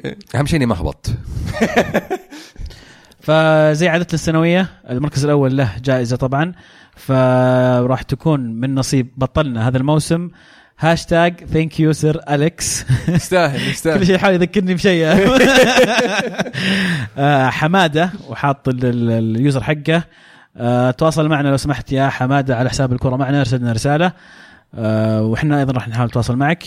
ألف ألف مبروك. أيضا المركز الثاني كان من نصيب محمد الهاشمي فريق ال Legends المركز الثالث من نصيب فريق الوادي أبو سعود آه، من الرابع جوزيه Squad آه، آي محمد والمركز الخامس من نصيب Y A L W L لكن يبدو أن أبطال السنوات الماضية غير البطل. البطل غير متوج المركز السادس لازم تذكره. why so serious أيوه. هو المركز السادس عبد صح؟ الرحمن عبد الرحمن مهزع طبعا لأنه المركز السادس بس يستاهل. يصفي Europa League الظاهر آه مبروك اللي اللي فايزنا وشاركونا الموسم القادم على ال ال ال ال ال fantasy. آه وممكن تكون يعني آه آه، من نصيبك هذا الموسم القادم. وكل موسم إحنا أعضاء الكرة معنا نقول هالمرة بنفوز فيها لكن يعني المنافسة تشتد آه ويعني وتصير أصعب من ال- الموسم اللي قبله. لكن قاعدين نتحسن ترى قاعدين نتحسن. قاعدين نتحسن. الموسم الجاي الواحد إيه. الواحد الموسم الجاي. يعني أنا أنا أحب أذكر إني فزت بالدوري الدوري الخاص حق الشباب حقنا يعني آه، فهذا شيء أنا أعتز فيه بصراحة. ألف وإن شاء الله. بتحسن بتعلم وأجيكم افوز بدوري الكره معنا ألف مبروك يا الله يبارك فيك. جميل. آه، الدوري الإيطالي الدوري الإيطالي طبعا محسوم وفايز فيه اليوفي لكن ما زالت المنافسة محتدمه على المركز الرابع. أو كم كم صار فريق يتنافسون على المركز الرابع؟ يعني حتى كثير مرة. آه، حتى الإنتر. الإنتر لعبوه اليوم إيش صار عليهم؟ فازوا ولا لا؟ الإنتر. لأن إذا خسروا يصيرون يدخلون في في المنافسة على التاهل لل Champions League. الإنتر فازوا على كييفو. كانوا كانوا بعيدين صراحة عن ال- ال- الشوشرة حقت المركز الرابع. فازوا أمس إنتر. لا اليوم. اليوم. الاثنين. يعني أمس لأن دخلنا الحين بعد ساعه إيش آه فعلا الإنتر حقق انتصار. المنافسة على أشدها بين إنتر أتلانتا ميلان روما تورينو. لاتسيو خلينا نقول بعيد. الدوري الإيطالي باقي فيه جولتين طبعا أكثر جو دوري بس باقي في جولات. دائما متأخرين الطليان. فحاليا حاليا الأغرب أتلانتا عنده 65 نقطة آه الإنتر عنده 66 نقطة آه ميلان عنده 62 روما عنده 62 تورينو عنده 60 أتمنى بصراحة يا شباب إني أشوف أتلانتا. والله مباراة كذا. أتلانتا القادمة مع اليوفي في ملعب اليوفي. ال- العجيب العجيب ان إن يوفنتوس كان له دور كبير في تحديد هذه ال- ال- المنافسة لأن لعب مع الإنتر وتعادلوا. إيه. آه ثم لعب مع روما وخسروا آه الأسبوع هذا 2-0 وتورينو تعادل معهم. ولعب مع تورينو تعادل معهم. وال- واللي كان وأتلانتا طبعا قلنا بيلعب معهم الأسبوع القادم. واللي كان المفروض يستغل الفرصة هذه AC ميلان اللي هو خلص من من اليوفي من بدري. و المباراتين الباقية من مباريات سهلة تقريبا. آه، المفروض ان هي حق صار فيها الظاهر اذا ما كنت غلطان كييفو وسبال. ففرصة كبيرة ل- لميلان على أمل تعثر آه، أتلانتا. يعني أتلانتا أتوقع يعني يفوز ويتعادل وخلاص يحسمها. مو. بشرط حسب أداء ميلان حسب من انتاج ميلان. مع إن- فرق ثلاث نقاط. إيه فإذا فأ- تعثر واحد مم. إذا خساره واحدة خلاص. إيه، ما لازم ما. يخسر. لا بصراحة يعني ودي أنا يعني دائما أسعى للتجديد يعني في ال- في التأهل ويعني شيء حلو إنه نشوف فريق جديد في الشامبيونز فعلا. وموسم موسم رائع بصراحة لأتلانتا. يستاهلون كذلك ختافي في الدوري الإسباني. ودك إنك تشوف ختافي. فعلا أتل- ختافي وأتلانتا. وان شاء الله يجي يوم مانشستر يونايتد يعني ويتأهل. إن شاء الله. طبعا ما انتهى الموسم لكن بدأ الآن الحديث عن التغييرات التدريبية في إيطاليا. آه كلام كثير يدور حول آه اتفاق أنطونيو كونتي مع نادي الإنتر. آه أيضا الكلام يدور حول آه بقاء أليجري من من رحيله والأسماء اللي ممكن تكون أسماء بديلة. ف آه، كالمعتاد اللي سمعناه من فترة جاتوزو أيضا على المحك. من هو المدرب اللي ممكن يجي؟ آه روما. طبعا رانيري راح يغادر الفريق في نهاية الموسم. من هو المدرب القادم من روما؟ فالصيف راح يكون آه، حامي وبادي من بدري. النقاشات فيه عن المدربين اللي ممكن ينضمون إلى آه، الأندية الإيطالية. من الهاشتاج أحمد يقول يعطيكم العافية على المجهود حبيت أتكلم عن غباء جاتوزو وصبر الاداره عليه، مدرب عنده الادوات لكن ما عنده أي قدرات فنية لدرجة انه في مباراة لاتسيو بالكاس لعب ثلاث مدافعين وضيع فرصة الفريق للعب النهائي، أستغرب صبر الاداره عليه مع أن الفريق قد لا يتأهل لدوري الأبطال. حلو آه حول العالم نبغى نذكر بس الدوري الألماني اللي آه يعني المنافسة راح تستمر إلى آخر جولة آه بعد فوز آه دورتموند وتعادل آه بايرن ميونخ الهدف ال- ال- الملغي. ما أدري شلون ألغي بصراحة إذا شفتوه حسب تسلل. غريب صح؟ آه ما أدري إيش دخل اللاعب المتسلل في في الهدف. آه لكن مع مع انه وجود الفار يعني ورجع لها بس ما أدري شلون انحسب تسلل. آه ممكن في آه قانون جديد ما نعرف عنه أو ممكن قانون في الدوري الألماني بس. آه لكن آه ب- يعني راح يضيف ال- الحماس للجولة الأخيرة. والموسم هذا بصراحة يعني آه، الفريقين نفسهم يعني ما يبغون يفوزون. يعني بعد ما كان متقدم دورتموند بفارق كبير آه، تعثر كثير ورجع للمنافسة البايرن ميونخ آه، ثم آه، خطف التقدم آه، بعد ما كانوا يعني في نفس معدل النقاط آه، ثم كان بإمكانه يخلص الموضوع من من الجولة هذه لكن حب إنه يخليها إلى آه، نهاية الموسم. وحلو وفي حلو الأخير إحنا المستفيدين لأن لأن كمتابعين يعني آه، راح تصير المباراه ال- ال- النها- الأخيرة في في آه، في الدوري الألماني حاسمة بالنسبة للفريقين لأنها أربع فرق. أربع لأن صحيح. الجولة الأخيرة جولة رائعة جدا لأن بايرن ميونخ يلعب مع أينتراخت فرانكفورت ودورتموند يلعب مع بوروسيا مونشن جلادباخ آم، فرانكفورت السادس يبغى وطبعا قريب جدا من المركز الرابع يبغى المركز الرابع يتأهل Champions League جلادباخ أيضا المركز الرابع يبغى يحافظ على المركز الرابع ويتأهل Champions League دورتموند يبغى البط... يبغى البطولة وبايرن ميونخ يبغى البطولة. فالجولة هذه المباراتين هذه راح تكون نار في الدوري الألماني الموسم القادم. أنصح الجميع إنه يتابعها. وحلو بعد الأسبوع يعني. القادم. إيه، الأسبوع القادم صح؟ أنت قلت الموسم القادم. لا عفوا. الأسبوع القادم. وحلو بعد إنه أول مرة يعني من عشر سنين تقريبا نشوف إن الدوري الألماني ينحسم في آخر جولة. آخر مرة كانت في وولسبورغ في عام 2009 أخذ الدوري من البايرن. فيعني أخيرا شفنا المنافسه تعود إلى الدوري الألماني المنافسة القوية تعود إلى الدوري الألماني. وزي ما قلت عزيز المنافسة على مراكز ال Champions League بتكون رائعة. آه، جلادباخ 55 نقطة ليفركيوزن 55 نقطة وفرانكفورت 54 نقطة. فالفرصة التاهل مفتوحة للجميع. آه، أنا عن نفسي ودي أشوف فرانكفورت يتأهل عشان لوكا يوفيتش يقعد عندهم ما يروح المدريد آه هذا يعني رأيي الشخصي يعني. أتوقع لو جاك مدريد وأنت قاعد تلعب مع فرانكفورت يعني بتقول لا؟ يا أخي زي ما جاني آه، السيتي وقال بشيلك يا فاردي ويا مدري مين وقال له لا برقلت إيش السيتي أقول لك ريال مدريد. تقول لي جاي من السيتي. المهم عاد خلصنا. هم كذا مشجعين تشيلسي ما يدري. يعني ال- ال- بذلك نوصل إلى آه، فقرة بطل وبصل وهدف الأسبوع. أحد منكم جاهز؟ أنا جاهز بطل بصل. دائما جاهز بطل بصل. آه هدف الأسبوع بصراحة هدف أوريجي الرائع الرابع في آه برشلونة. آه حنكة ودهاء وذكاء وسرعة بديهة آه سرقت الفوز من برشلونة. التحية لترنت التحية لأوريجي على على سرعة التفكير في تسجيل الهدف. آه أنا بالنسبة لي الهدف يعني حسبته مو لجماليته قد ما لأثره أول شيء في المباراة وللصدمة اللي صنعها في قلوب المشاهدين وقلوب المستمتعين. فهدف جميل كان الصراحة. آه بطل الأسبوع الصراحة ما أقدر أعطيها إلا لوكاس مويرا. آه هاتريك رائع يعني بصراحة ما توقعنا ابدا إن نشوف توتنهام تعود في المباراة في الشوط الثاني. آه ينحسب لهم بصراحه آه الأداء وينحسب لوكاس مورا بطل الأسبوع. آه بصل الأسبوع يعني شوي بصراحة بقسمها على اثنين. اياكس في آخر خمس دقائق في المباراة. ما أدري إيش قاعد يسوون يا اياكس سطح الكورة قص اللاعب سوي أي شيء بس إنهم لا يمسكون كورة يلعبون. آه نقصك نقص الخبرة في التعامل في المواقف هذه ضيع لكم فرصة إنكم توصلون النهائي فبالتالي تستحقون البصل. والبصل الثاني بصراحة ودي أعطيه لويفا. على تقسيم التذاكر لنهائيات أوروبية، من زمان وإحنا نسمع إن اليويفا ما يعطون الجماهير حقها في النهائيات الأوروبية، والسنة هذه أثبتت. آه نهائي اليوروبا ليج تحديدا. الملعب يشيل آه 60 ألف تقريبا ومع ذلك الجماهير الموزعة على جمهور أرسنال وتشيلسي 12 ألف تذكرة فقط.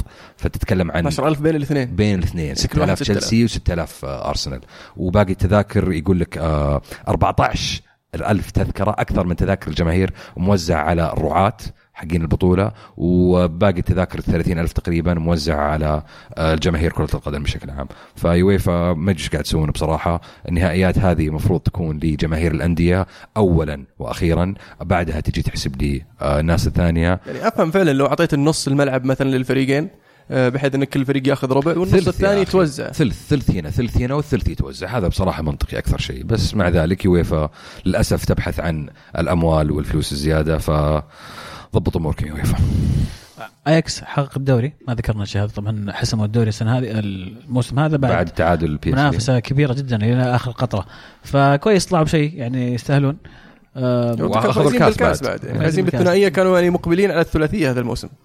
وحققوا أكثر مما كانوا متوقعين في ال Champions League ف خروجهم كان قاسي ولكن بشكل عام موسمهم ناجح جدا. موسم أنا انقهرت من آخر خمس دقائق عزيز. أنا انقهرتني إيه، اخر خمس معك- دقائق مره فعشان كذا. إيه، هذه. دوري ولا دوري؟ تفضل. بالنسبة لي بطل الأسبوع جولة دوري الأبطال الس- الأسبوع هذا كانت خرافية. يعني شفنا شفنا شيء خرافي يصير يوم الثلاثاء بمباراه ليفربول برشلونة. وخلاص قلنا طلعت في هذه المباراة. يجي يوم اللي بعده وتصير شيء خرافي ثاني. آه، فعلا متعة ما مثلها متعة أجمل لعبة في, العالم وما في شيء ممكن ينافس كرة القدم. العاطفة اللي تعطينا إياها اللعبة هذه والحماس. كلنا ما حد شجع فينا أياكس واحد شجع فينا توتنهام. لكن كلنا تأثرنا في هذه المباراة كلنا تحمسنا. ف شكرا كرة القدم فعلا. البصل بالنسبة لي برشلونة اللي صار تكرر من الموسم الماضي تكرر مرة أخرى فيستاهلون البصل. هدف الأسبوع هدفين. أتمنى إني ما كنا أخذت حقك يا ألمو. هدف جوتسا كيف ثبتها ال control وسجلها. وهدف رياض محرز اللي قلب في مدافعه باليمين حطها في التسعين. باليمين ولا باليسار؟ حطها باليمين. صحيح؟ إيه. حلو. آه بالنسبة لي بطل الأسبوع طبعا لازم أعطيها ليفربول وبالاخص بالأخص آه ألكسندر أرنولد آه اللي كان استثنائي في هذه المباراة واللي افتقدوه في مباراة الذهاب. وابغى أذكر نقطة بس ان انه سواها في مباراة بي اس جي إذا نذكر في دور المجموعات آه لما لعبوا في آه في في باريس آه لعب جوميز وما لعب ألكسندر أرنولد وخسروا هذيك المباراة. وهذه المرة سواها مرة ثانية في الكامب نو آه وخسروا ضد برشلونة. آه لكن آه في المباراة هذه يعني أرنولد يعني صنع هدفين مهمين جدا وكان له دوره. في ال- الفوز مع انه لاعب شاب في عمره 19 آه، 20 سنة ويستاهل بالنسبة لي آه، البطل مع ليفربول على ال- ال- النتيجة العريضة اللي فازوا فيها على برشلونة في الأنفيلد. وبالنسبة للبصل الأسبوع طبعا مانشستر يونايتد اللي اللي آه، قدروا يخسرون في أرضهم في آخر مباراة في الموسم ضد آه، فريق هابط وما عنده شيء يلعب له. آه، فخسروا في أرضهم 2-0 ولازم ما ننسى أن الفريق الأول في أول مباراة له آه، أولي جونر آه، ضد كاردف وفاز خمسة. خارج أرضه. في آخر مباراة ضد كاردف يخسر 2-0 في أرضه. ف يعني مانشستر يونايتد كله على بعض من اللاعبين من مدرب من إدارة يستاهلون بصلة كبيرة آه، على الموسم كله بعد حتى مو بس هذه. وطبعا بصل الموسم يستاهلون بعد يعني بنوصل لبصل الموسم. عموما آه، هدف الأسبوع هدف بيلوتي الرائع آه، في مباراة الدوري هذا الأسبوع لما سجل هدف double kick جميل. عزيز يخ- يختلف يقول إنه مقصيه لكن أنا أنا والله شفت مقصيه وكنت باخذه بس انت سبقتني يعني يعني ما توقعتك شفته أصلا فعرفت اللي قلت خلاص هذا هدف آه، الأسبوع شفته ورسلت فجأة حطيت إيه أيوه. كهرتني أرسلت تويتر وارسلت لك التويتر نفسها عرفت عشان ما آه. وحلو الهدف إنه كان هدف الفوز يعني كان جاي في آخر 10 إيه، دقائق في. المباراة فيعني بصراحة رائع يعني في هدف جميل أيضا من في في ال Championship هدف ليدز على ديربي كاونتي صح؟ ديربي كاونتي. آه، المعطنا بشكل سريع كذا وش قاعد يصير في ال- في ال Championship؟ آه طبعا ال- ال- البطولة الأغلى آه في عالم كرة القدم اللي هو ال Championship playoffs نعم. آه وش تقول لي؟ لا الا مو البطولة المباراة الأغلى في كرة القدم اللي هي نهائي ال Championship هي هذه بطولة مصغرة ويفوز فيها بكاس وياخذ مبلغ مالي 170 مليون pound ما يفوز ما ياخذها حتى بطل ال Champions League فهذه بطولة مصغرة على يعني الدور أربعة بين آه، ما بين آه، الثالث والسادس في ال- آه، ال Championship المباراة الأولى كانت بين أستون فيلا وويست بروميتش ألبيون في الفيلا بارك. قدر يقلب الطاولة أستون فيلا ويفوز 2-1 وبالنسبة للمباراة الثانية كانت بين ديربي كاونتي وليدز يونايتد. قدر يتفوق ليدز يونايتد 1-0 بهدف رائع جميل متكتك منظم مرتب آه، آه، بي ال سي جميلة آه، في ملعب ديربي كاونتي. وعلى ما يبدو أن ال- الأقرب حاليا إلى ال- النهائي. آه، ليدز يونايتد. لكن مباراة ويست بروم وأستون فيلا لسه يعني فيها فيها فيها وفيها ودي صراحة أشوف بيلسا في في ال Premier League أنا شوف الجاية. أنا أنا أنا شخصيا كان ودي أشوف بيلسا آه، يلعب في ال Champion في في ال- ال Premier League آه، لكن أنا شخصيا طبعا أبغى عودة أستون فيلا آه، وال- والموضوع اللي حسم لي الأمر أن طبعا طبعا ما أبغى ما أبغى ليدز يرجع لل- لل- لل Premier League لأن جمهورهم جمهورهم الإنجليزي يعني مزعج. قذر مو بس مزعج آه، فالخبر الحلو اللي سمعته وخلاني أستمتع وخلاص أبطل أبغى بيلسا يفوز انه أعلن إذا ما تأهلوا آه راح يستقيل. فإذا استقال ممكن ممكن نشوف أحد الأندية يعني آه يوقع معه ونشوفه في ال Premier League من غير ليدز. ونشوف عودة مثلا أستون فيلا لل Premier League. حلو. آه نوصل لهاشتاج الحلقة عزيز؟ هاشتاج الكرة معنا. هاشتاج الكرة واضح معنا. من زمان. طيب في كثير قاعد يشبون على ميسي ويهشتقون آه، الشامسي وعبد الله لأنهم يحبون ميسي. كفى تطبيلا الشامسي وعبد الله مطبلين وش يقولون بالله؟ سمعنا. هذا الفرق بين ميسي ورونالدو الظهور في مواقف صعبة. حاطين صورة ميسي قدام مرمى ليفربول فاضي ويوم قرر إنه يسحب ما يشوت يوم كانت 1-0 ليفربول. هذا لو سجل هذا الهدف كان طير أشياء كثير في المباراة. سؤال لعبد الله عبد الله مو موجود. للأسف مؤيد يقول للأسف لا برشلونة ولا عبد الله تعلموا من درس روما. سبحان الله نفس السيناريو بالضبط. فوز كبير غير مستحق بتاتا في الذهاب وغياب ذهني وتكتيكي في الإياب ومثال جديد على ان برشلونة فنيا ليس من أفضل خمس أندية في أوروبا. ومن يرفع هذا الجانب كل موسم هو ميسي لكنه لن ينقذك كل مرة. أنا أختلف إنه فوز غير مستحق كان في مباراة الذهاب بالعكس كان مباراة تكتيكية بصراحة من درجة أولى. ممكن ليفربول ضيعها بس في نفس الوقت يعني برشلونة أخذ فرصها واستغلها. بس الإخفاق اللي صار في المباراة الثانية يعني حكينا فيها ما ما, ما تنحط على ميسي بس ما نختلف إن الطرف الأفضل كان ليفربول في مباراة الكامب نو. يعني حتى الخسارة كانت غريبة إنك تخسر 3 لكن ما. ما ترجموا تفوقهم إلى إلى أهداف. هذا المشكلة كانت.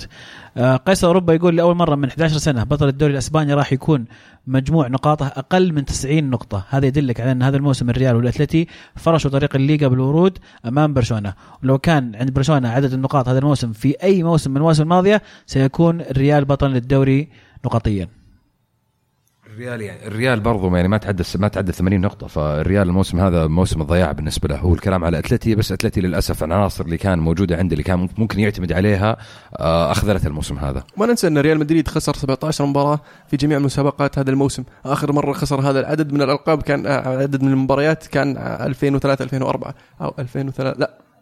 قبل 98 98 99 إيه، قبل. يا. 98 بعد ما فاز بال Champions League. فيعني شيء من زمان ما صار. تارجيريان يقول ودي انكم تتأملون معي هل بطل الدوري الأوروبي أحق بالتأهل لدوري الأبطال؟ من وصيف دوري الأبطال بعيدا عن أن توتنهام والليفر متأهلين عموما. إي ليش ليش يتأهل وصيف؟ يعني ال- يعني الفكرة هل وصيف ال Champions League أضع أقل أحقية بالتأهل من بطل ال Europa League الفكرة من من تأهل بطل ال Europa League انه تعطي آه حافز. تعطي حافز لل- للبطولة. بالفكرة بتأهل آه، بطل ال Champions League في حال إنه ما كان من ال top four لأنه ما يصير تلعب بطولة والبطل ما يشارك فيها. فالوصيف يعني ما فاز ووصل ممكن إذا إذا وصل النهائي وما قدر يتاهل top four أو يتأهل لل- لل- لل Champions League ف فقد صارت يعني صارت مع ليفربول عام 2005 دخلوهم أدوار مجموعات التصفيات يوم فازوا بال Champions وصارت مع تشيلسي 2012 كان تشيلسي سادس وقتها في الموسم وكان يعني كان تغيرت القوانين وقتها لكي يتأهل بطل ال Champions League للبطولة السنة اللي بعدها. فبالعكس يعني أنا أشوف إن مسألة إن بطل Europa League يتأهل زي ما قلت المو تحفيز لباقي الفرق آه، فرق مثلا زي ارسنال أو زي آه، زي حتى يونايتد إذا لعب السنة الجاية في ال Champions League بيكون لهم يعني الدفعة الزيادة إنه يفوز بال Europa League عشان يتأهل لل Champions. لأن عارف إن المنافسة عنده في الدوري المحلية أقوى بكثير من المنافسة اللي ممكن يلقاها في ال Europa League.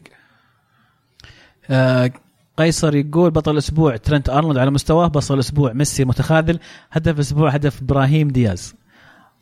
هدف, أي هدف جميل. لاعب ريال مدريد فعلا هدف رائع. تستاهل على ال- ال- الاختيارات هذه إنك تصير بطل الأسبوع. عجبتك؟ جميل. والله هدف جميل صراحة إبراهيم دياز. اعتماد كبير من آه، زيدان على هذا اللاعب. طبعا آه، بيل خلاص يبدو إنه ما يبين خلاص خلص. ي- يقولون تبونه يا الموبيل لا هذا هذا هذه خب- أخبار مخطوطه من ال- ال- الصحافة المدريدية اللي أيوة. تبغى تصرف بيل. والله. إي. أنا خبرني انك تبيه من زمان. إي. أنا أبيه عشان ألعب في ال PlayStation بس ما أبغى أشوفه يلعب معي أكون صريح معك. إي. فهد يقول إيه نسيت أقول لك الحين وش استفدتوا من التطبيل لفالفيردي؟ هذا هو لبسكم المقلب وحطكم في موقف بايخ. يعني مو تطبيل لفالفيردي يعني هو الرجال بس يعني قدم قدم يعني أداء جيد تفوق يعني فيها. يستاهل, يستاهل يعني وترى لا. ننسى ترى فاز الدوري يعني مهما كان ممكن قد ما يعني نشوف انه إنه أخفق وكذا يبقى الرجل فاز في الدوري. اي وراح يلعب نهائي الكاس بعد. ف... ستارك يقول من هو أفضل مدرب بالعالم حاليا؟ كلوب. والله يعني إيه ما أدري، أص- أصعب سؤال. كلوب وجوارديولا بين واحد لأن كل صراحة. واحد كل واحد له رأيه. لا بس أصلا بين بس هذا الاثنين هذول. هذا الموسم أنا استمتعت يعني في في في في لعب ليفربول ونادي كلوب يعني بشكل بشكل أفضل. يعني وهو الخيار الثاني اللي بصراحة الأسهل وهو جارديولا جارديولا فاز بالدوري بس إنه أخفق في ال Champions. اي آه. لأن لأن لأن أخفق ضد توتنهام فأنا ما أشوف إنه يستاهل يصير الأفضل هذا الموسم حتى لو فاز بالدوري. على طاري توتنهام أنا أشوف بوكاتينو ممكن بوكاتينو يستاهل يكون يكون مع, الأسماء هذه صراحة. يعني ما جدد في الفريق ومع ذلك عرف انه قاعد يسوي- ممكن- قدر يطلع بيب جوارديولا اللي اللي يشوفونه الناس الأفضل في التاريخ؟ لا لا شوف هي هي أنا شخصيا عن, عن نفسي كلوب أنت عزيز إيش رأيك؟ ما ما عندي جواب صعب. بس أتفق معكم ممكن- ممكن ثلاث أسماء حتى- ثلاث ما ذكرتوها كلها تستاهل تكون. ممكن نقول حتى مدرب أياكس ال- ال- ال- الزاحف اللي اللي هجومه مسجل أكثر من 100 هدف في الدوري مسجل مجموع مجموع المباريات يعني جميع البطولات عفوا آه، حول 160 هدف ف ويعني وصل نصف نهائي ال Champions League وفاز بالدوري وغير. كذا اللي يعني لعب لعب أياكس الصراحة الموسم هذا أمتعنا أمتعنا ف- أمتعنا فعلاً فيستاهل يستاهل يكون في الحوار خلينا نقول طيب ناخذ ثلاث مشاركات أم، من بدر يقول نهاية مغامرة اياكس أعتقد أن قله الخبرة هي السبب اللي طلعتهم. وكمان تغييرات بوكاتينو مدرب توتنهام. أتفق معك. نواف يقول الآن مشككين بفوز الريال ثلاث مرات متتالية بالأبطال. إنجاز عظيم عرفوا ليه إنجاز عظيم ولن يتكرر بعد المباراة الأخيرة لما تشوف برشلونة بآخر عشر سنوات حققها مرة أو مرتين واليوفي من سنوات عجز عنها وأتلتيكو. نرفع القبعة على زيدان والجيل الذهبي للريال. فعلا لما تشوف ال- ال- اللي قاعد يصير يعني تقول نرفع شلون فاز لا، فعلا يعني فاز ما- هو ما هو بشيء سهل بصراحة إنك تفوز فيها أصلا من الأساس وإنك تفوز فيها ثلاث مرات متتاليه آه، فهذا إنجاز يذكر ويشكر. أيضا مشاركة بن عزيز يقول بعد الريمونتادات اللي شفتها بنصف نهائي أبطال أوروبا جزمت واقتنعت إن الكورة لا تعرف لا صغير ولا كبير بل تعرف من يعطيها تعطيه شيء لم يكن متوقع خسارة البرشا بأربعة وآياكس ثلاثة البطولة السنة ذي لإنجلترا حظ أوفر الدون. لا بس أنا قايل يعني قايل لك بداية الموسم يا عزيز إيه. أن ال- ال- اليوفي ما راح يفوز هذا الموسم بدوري الأبطال. وحذرتك يعني. صحيح. فعلا. وأنا بدأت المفروض إنك أنا- تكون يعني, لا لا أنا ما عارف. ما انصدمت ابدا والشيء بدأ يبان مع مرور الوقت كيف مستوى اليوفي كان سيء في الدوري أصلا. ف يعني العيد بان من عصرية زي ما يقولون. إيه بس هات رونالدو يتأقلم مع الفريق وعلى الدوري ونشوف ممكن نشوف رونالدو مدرب بس ما مو بخواف وعنده أفكار جديدة. مثل مثلا؟ بوكيتينو مثلا. تتوقع ممكن؟ والله ممكن ليش لا. في كلام إن إدارة اليوفي منقسمة بين آه، أليجري الاستمرار مع أليجري أو عودة كونتي. أعتقد إن كونتي أصبح بعيد الآن قريب جدا من الإنتر حسب الأخبار الأخيرة اللي سمعتها. آه، اليوفي محتاج تجديد محتاج شخص يعرف يستفيد من اللعيبة الموجودين. يعني قهر قهر تشوف ديبالا بهذا المستوى بيانيتش بهذا المستوى لأنه يتم توظيفهم في أماكن غير أماكنهم. فأنا بالنسبة لي اللوم على أليجري لأنه حتى كانسلو اللي نعرف كلنا إنه من أفضل الاظهره في العالم. بس ديتشيلو يلعب ديتشيلو ما يلعب كانسلو فاعتقد إنه حان الوقت خمس سنوات فترة جيدة الكره تتغير بسرعة. الآن حان الوقت للتغيير وفي رأيي آه، حقبة أليجري انتهت مع اليوفي. تذكرت مباراة روما يوم يسحب آه، لاعبين وسط ويدخل ظهيرين زيادة. قاعد يلعب أربع أظهرة في المباراة. لا واللي وهو خسران. راس حربة مين كان؟ اليكس ساندرو قدام مرة. عموما آه، آه، بنهايه الموسم فعادي التخبيص يصير. الظاهر إنكم تبغون لاعب من روما زانيولو. والله في ما لعيبة كثير أسماء. الحين للذكر. مشكلة اليوفي خلص الدوري بدري فبدأت بدأ الكلام من بدري وما في أحد ما حط اسمه على اليوفي. وطالع ورايح وجاي فراح يكون اليكس ساندرو. مهاجم. راح يكون صيف طويل للأسف.